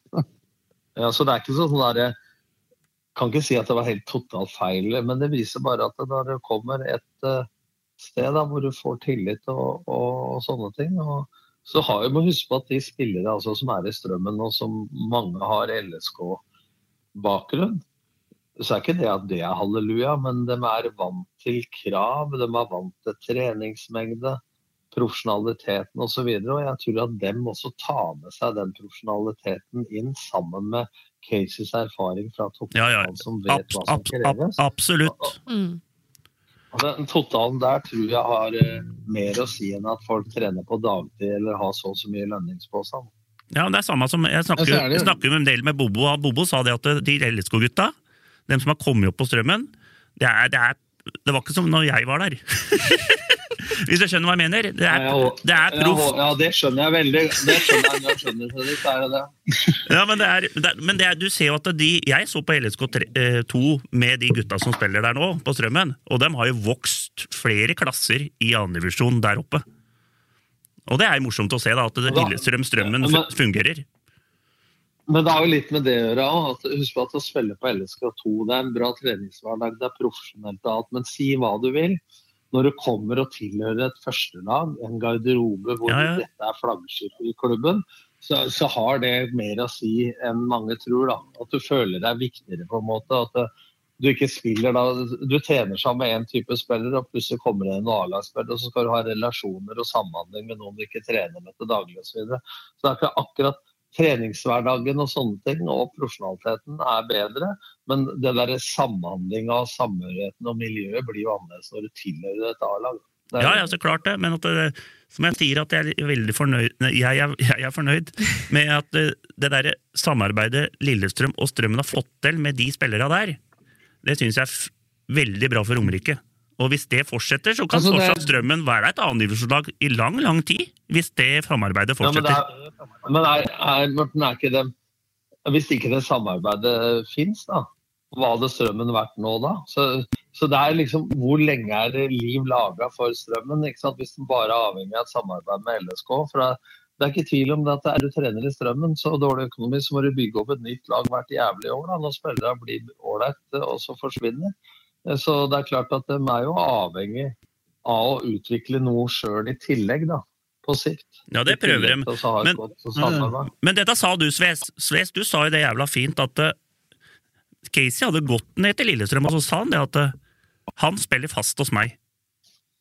Istedenfor å spille Ja, han, han, ja, ja, han har vært ganske, ganske fin på det, ettersom jeg har skjønt det samarbeidet fungerer veldig greit. Da, at eh, han forteller Han er ganske ærlig. Det er jo, som trener så er det jo ofte sånn at du, at du kanskje soper til deg en spiller eller to ekstra for å ha noe å gå på, men han har vært veldig ærlig på hvem som kommer til, han tror kommer til å få spille, og hvem som ikke han tror det. Så det er jo, det er jo flere som kunne vært i strømmen fra LSK også, men eh, da har han vært ærlig på at det ikke er garantert fast plass. Nei. Og da, og da er det bedre å være i Lillestrøm. ikke sant? Altså det, det, man har satt spillerne i sentrum, her, da, både Lillestrøm og Strømmen. De kan komme, for da får de spille på et høyere nivå. Så kan de trene litt med Lillestrøm innimellom, sikkert, når det passer og er ferier og sånne ting. Og så er det dem som da ikke er sikra å spille på Strømmen. Da er det bedre med at de trener eh, i Lillestrøm og, og spiller eh, tredjedivisjonsfotball der. Mm. Altså, er det positive for LSK her, da. det er jo en vinn-vinn-situasjon for begge parter. Selv om for, for folk på Lillestrøm som ikke liker strømmen, og motsatt, så er jo dette sikkert litt sånn eh, vanskelig å synes er bra. Men de, hvis de tenker nøye over det, så tror jeg de er enig i det. For, for, I LSK da, så vil jo også én til to, tre andre spillere også da få spille tredjedivisjon, som ellers ikke ville gjort det. Som da kanskje er yngre spillere som får spille også på et høyere nivå. Så det er jo, det er jo bare positive sider med det, så lenge du får det til å fungere sånn som det er nå. Ja, men når Bobbo godtar det, da, så er det bare loffen igjen. Da, da er det vel i orden. er det ikke det? Jo. Nei, altså det, nei, det da tok vi mye om den. Og så må vi jo Ullkista ligger på tredjeplass, og var ny trener inn Kaland og sånne ting, så de, vi må ikke sage dem heller. De har, eh, de har ikke ja, Men det er jo noe som murrer der oppe. Ja, ja, men de kan få Det, er, det er jo, kan fort bli kvalik der òg. Men er ny. han er ikke ny, han har vært der hele året. Ja, ja, men han er ny hovedtrener. Men for ikke å slippe strømmen helt, da. Det kan jo hende at det er Wehrmann som blir den mest interessante ut etter hvert her òg, da. Uh, For det, det blir jo lagt merke til at, Ja, ja, ja, ja. uh, at det leveres på det nivået. Og da, er det, jo- da, da, off, da blir det tungt oppå der. Hvis han går. Men han tror jeg er blitt jævla glad i disse gutta. Og sånn. altså, han, har hvert han kjører i hvert fall ut sesongen. Og så får de se da hva Men som blir. kan, nå sier du det. Det var så tungt når Espen skulle gå, og, det, og nå blir det tungt når Wehrmann skulle gå. Akkurat som at når det er en tre, spiller som går, så dukker det opp andre. Så er det en trener som går, så dukker det opp andre der òg. Så hvis man bare er våken i styre og stell der oppe, så, så ordner det seg. Ja. Om Wehrmann får tilbud fra høyre og går, så er det andre som kan trene strømmen òg. Altså, man må ikke bli så uh, uh, Hvis Wehrmann går så blir det tungt, Det blir det ikke Gaute Hiltrup, så går det til helvete. Man må ikke tenke sånn. Nei, jeg er enig i det. Nei, vi, skal ikke, vi skal ikke glemme at han Ole Martin Nesselquist, selv om han til slutt har rykka ned med Strømmen, så gjorde han også en kjempejobb med, med Strømmen. og det, det var jo et veldig godt team med han og han Harald Gjærvik der. eh, eh, de Jonas Rygg. og ja. Altså, det, har vært, eh, det har jo vært folk som har vært flinke til å ta tak i det. En ting som er litt morsomt, da. Skal bare ta det med en gang. Strømmen, vet du, når vi prater om Strømmen og kvalik, de har jo igjen Ullskissa og Tromsdalen hjemme, vet du. På stadion. Og der er de gode, altså. Så de har jo liksom, de sitter litt nesten i før... De ligger fire poeng bak Tromsdalen, men det er litt sånn Det kan være viktige matcher for den kvalikplassen, og da har de dem to hjemme. Det er jo øh, greit å vite. Men, men hva ta litt om Kisa til slutt, da, før vi må gå på tredjedivisjon. Hva er det Kisa ønsker nå? Ikke sant? For der var det noe snakk om nå at eh, de skulle kjøre internt ut året før de henta noe og ny trener osv. Rykker de ned, så er det breddeball. Ikke sant? Og fortsatt kan jo Kisa, som du sier, Fredrik, få kvalik og vinne kvalik og rykke opp. Ja. Så hadde jeg vært Kisa nå, så hadde jeg jo gjort noe nå. Ikke bare kjørt på sånn der reserveløsning ut året og har gitt opp allerede. Den er tanken skjønner jeg ikke, altså, for det er dyrere å ikke rykke opp enn å ansette en trener som, som koster så og så mye ut året. Ikke sant? For Nå veit ikke hva som har skjedd, for det er forskjellige diskusjoner om det. Men når Landro sjøl trekker seg, noen sier han får sparken, noen sier ikke, men så regner jeg med at ikke det har kosta millioner. for å si det sånn. Nei, men Spørsmålet er om økonomien tilsier at det er mulig å gjøre så veldig mye. For de har jo, har jo budsjettert med spillersalg her, og det var vel derfor f.eks. Sørløk gikk til Fredrikstad. Det kan fort være flere spillere som forsvinner ut der, uten at jeg kjenner til det akkurat nå. Men, men men den rekt, det er de helt har enig jo med en Nordlien. økonomi. Jeg er helt enig med Nordli, men den rekte treneren inn der, og den stallen, så kan de heller lage en sånn at hvis du rykker opp, så det, det er mange trenere som har lyst til å ta den uten så mye penger, tror jeg. Og så hvis de da rykker opp, så får de heller en, stor bonus. For det er store store For muligheter. meg, så, for, meg, så, for, for meg så blir det litt å kaste, kaste inn det hvite håndkleet altså, og så gi opp. Ja. Uh, altså, de ligger tross alt i en sånn posisjon at, eh, og med en sånn stall som du sier, at eh, hvis de noenlunde har stell på ting, så skal jo det laget ha kvalikplassen.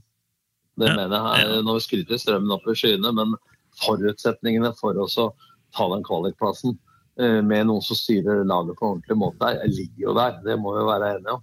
Men kan økonomien der oppe være mer anstrengt enn det de Ja, men det er innrømmer 2,5 selv, da? millioner, to, ja, men 2,5 millioner i underskudd.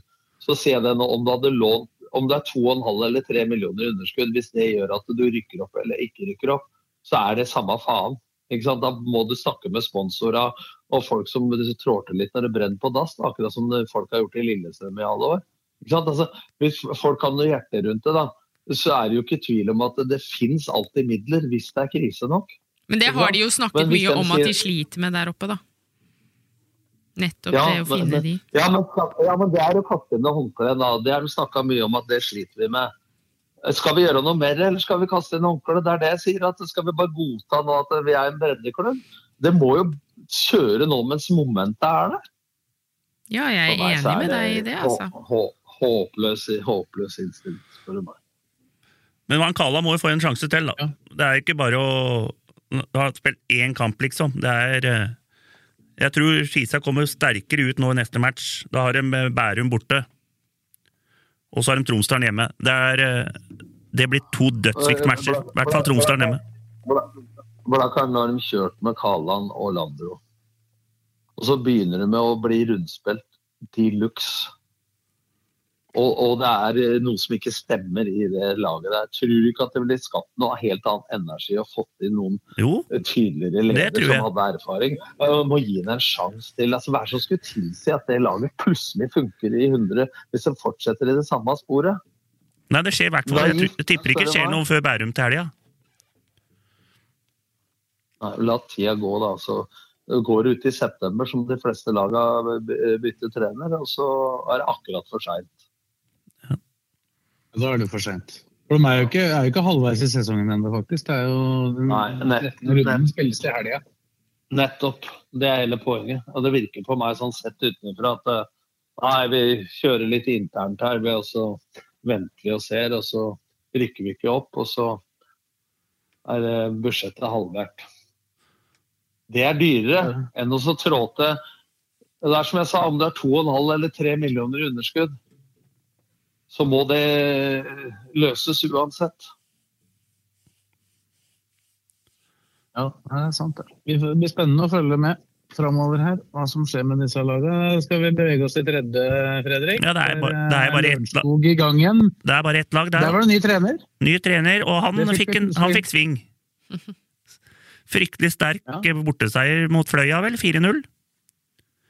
Ja, Knut Erik Johansen har gitt seg. for vi fikk greie på dette her i løpet av helga og så skulle det sjekkes opp. Det viste seg at han, eh, han har fått jobb i Norges Fotballforbund. Jeg vet ikke om det er i utviklingsavdelingen eller hvor det er. Så han eh, hadde vel ikke tid til å trene Lørenskog eh, og bruke like mye tid på det lenger, så da ble det Vetle Rygg som er eller var assistenten hans tidligere, da, som har rykka opp. Så den vant 4-0, og Solberg, Da- Solberg banka inn to der, da- så han er i gang. Jeg har et spørsmål for dere som er opptatt av statistikk. Hvor mange lag gjennom tidene har lykkes hvor assistenten har blitt hovedtrener? Det er vel uh, Sikkert det deg, da. Det direkte statistikk på det? Jeg har aldri, aldri, aldri rykka opp. ja. Han har aldri det rykka opp fra assistent. Jeg, har gjort det én gang. Når Vidar Davidsen i sparken sju runder før slutt i Strømmen i 1991, så tok jeg over som ung gutt. Og vi redda plassen. Men, eh, men eh, det kommer jo an på type assistent. Da. Har du vært en kjegleflytter, eller har du vært en type Petter Myhre-assistent? Du har jo rykka opp med Odd, du, da. Men Ja, da ja, det har kom vel ikke inn som assistent. Altså, Blakkaren, det vi snakker om nå, er hvor mange ganger har Astrid Å ja, så, å, ja, ja, ja. Rykka opp, rykka opp til å bli hovedtrener og lykkes, det er spørsmålet. Det veit vi ikke. Faen, jeg rykka opp mange ganger. Men det er ikke det vi snakker om her. Rykka ned, rykka ned mer. Du nevnte du, er, du er så sterk på navn. navn. Fredrik, du er så sterk på navn. Ja. Du nevnte, at, du nevnte at Solberg var i gang. Han heter ikke Solberg. altså. Sandberg! Sandberg! Fy faen. At det, at det er noe gærent. eh, Ja. Blakkaren, Blakkaren, Blakkaren, Det er noe gærent, ja.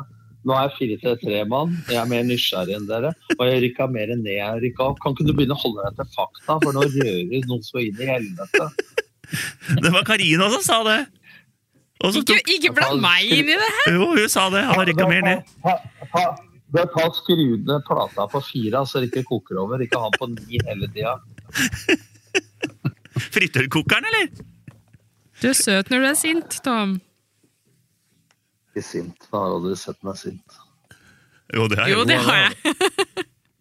Til, til og med på YouTube. Det ligger på YouTube. Det er Mongo Høns og alt. Ja, men da burde, da burde du skjønt at jeg ikke var sint nå. Det var hele poenget. Nei, men kom fram til, du- kom fram til det du skulle fram til, da, med det greiene der med statistikk Nei, jeg, jeg, jeg, stilte, jeg stilte nok en gang et seriøst spørsmål du, som du greide å røre bort.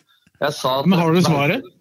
Veit dere om mange trenere som har gått fra assistent til hovedtrener i en sesong? Eller og blitt hovedtrener sesongen etterpå, som har lykkes?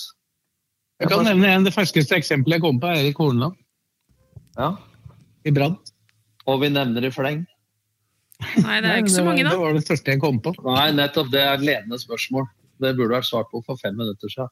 Altså, det, det er det jeg mener, da. Jeg, jeg forventa at du skulle komme med statistikk. Jeg, nå. Ja, ja, Ja, ja. jeg tror at dere, jeg, I spørsmålet så er dere som er opptatt av statistikk.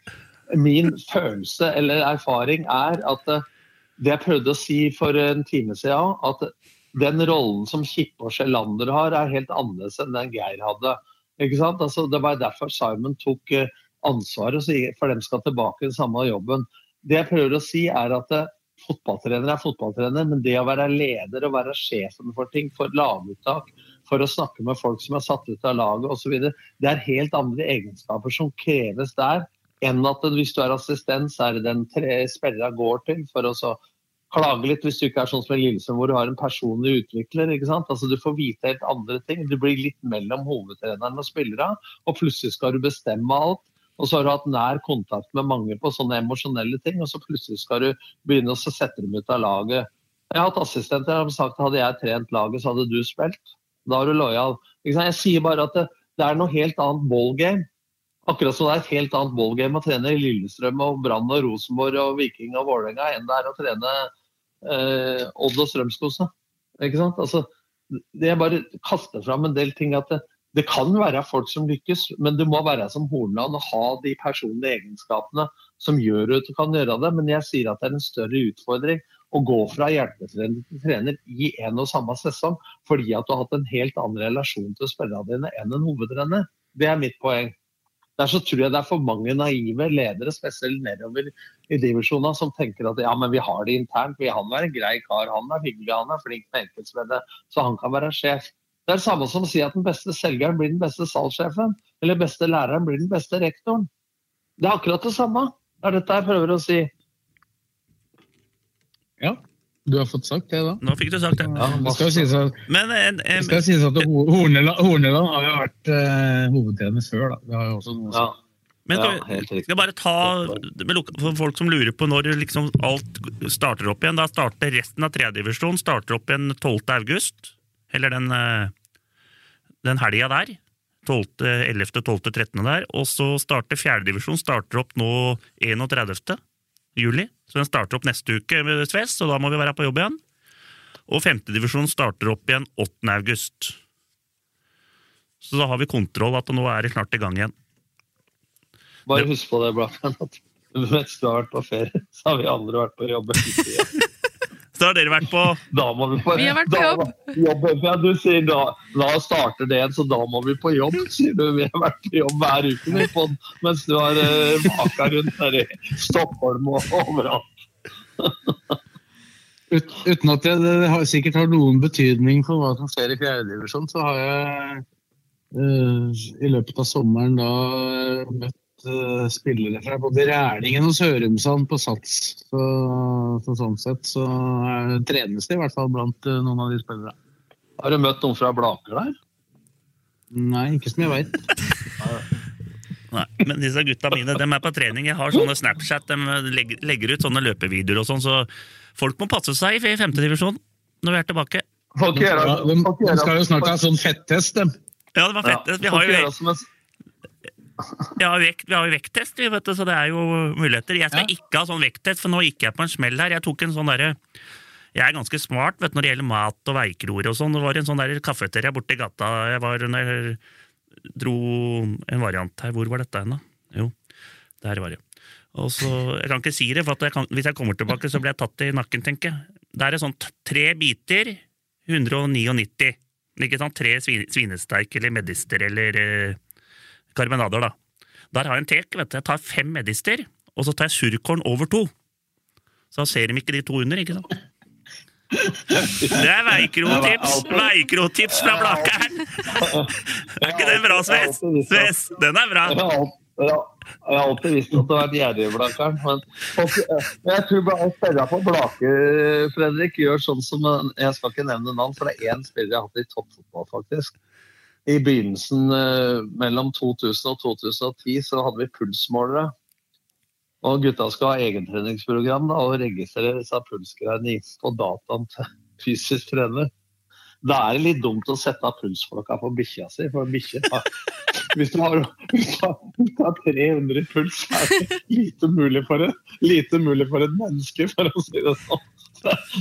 Skal du jukse, så må du gjøre det ordentlig. Ja, men det er, bra. Det er, er ikke det bra juksetriks, Sves? At det tar, tar bare surkorn over to, to av dem? Hun der i luka skjønner ingenting, vet du. Og jævla mye Nå kommer alle veikroer som hører på det her til å være skikkelig obs neste gang. Der kommer, der kommer snylteren. Der kommer snylteren. Nei, jeg prøver helt til jeg blir tatt. Ja, ja, ja. Ja, Det det blir Moxnes. tatt, ja. Ja, det er vok- nesten sånn Voksnes-variant. Moxnes, Voksnes, Voksnes nå. To timer og seks minutter med rør. Ferdig. Nei, Ja. bare, Nå bare skal vi si dette. at eh, vi, er, vi, er, vi, vi, kom, vi kom gjennom litt. Det var, det var ganske mye seriøst i dag, da. Det var jo det. Ja, vi har vært ganske seriøse, syns jeg. Skal vi si at det er eh, bra, da? Da er det HamKam eh, hjemme til lørdag Nei, søndag klokka fem, er det ikke det? Jo. Det er det. Nei, men Da sier vi at det er bra, så takker, takker vi for oppmøtet både av eh, Karina, Fredrik og Tom. Og så er vi veldig glad for at eh, du som har hørt på, har eh, gjort det. hvis du har orka så lenge. Og så snakkes vi plutselig igjen, og sannsynligvis allerede kommende uke. Ukens annonsør er HelloFresh. HelloFresh er verdens ledende matkasseleverandør og kan være redningen i en travel hverdag. Mange av oss har nok vandret i butikken både sultne og uten en plan for middagen, som ender med at vi går for de samme kjedelige rettene gang på gang. Middag burde være dagens høydepunkt. Som Hello Fresh kan du nå velge mellom 25 ulike retter hver eneste uke, eller få Hello Fresh til å sette sammen menyen for deg. Dette gir deg muligheten til å prøve nye og spennende retter alene eller sammen med familien. Du velger antall porsjoner og får alt levert på døren på et tidspunkt som passer for deg. Oppskriftene er enkle, og maten er lett å lage både for store og for små. Ved å få alt levert hjem får du også mer tid til å dele matgleden med familie og venner. Kanskje det frister med asiatiske tacos eller greskinspirert kylling? Da kan jeg anbefale deg om å gå inn på hellofresh.no. Her kan du bruke koden FOTBALL og få opptil 1779 kroner i rabatt på de første fem matkastene hvis du ikke har prøvd Hello Fresh tidligere. Du kan også bruke rabatten hvis du har vært kunde og stoppet abonnementet ditt for tolv måneder siden eller lengre. Gå inn på hellofresh.no og bruk koden FOTBALL. Har du et enkeltpersonforetak eller en liten bedrift? Da er du sikkert lei av å høre meg snakke om hvor enkelt det er med kvitteringer og bilag i fiken, så vi eh, gir oss her, vi. Fordi vi liker enkelt. Fiken superenkelt regnskap.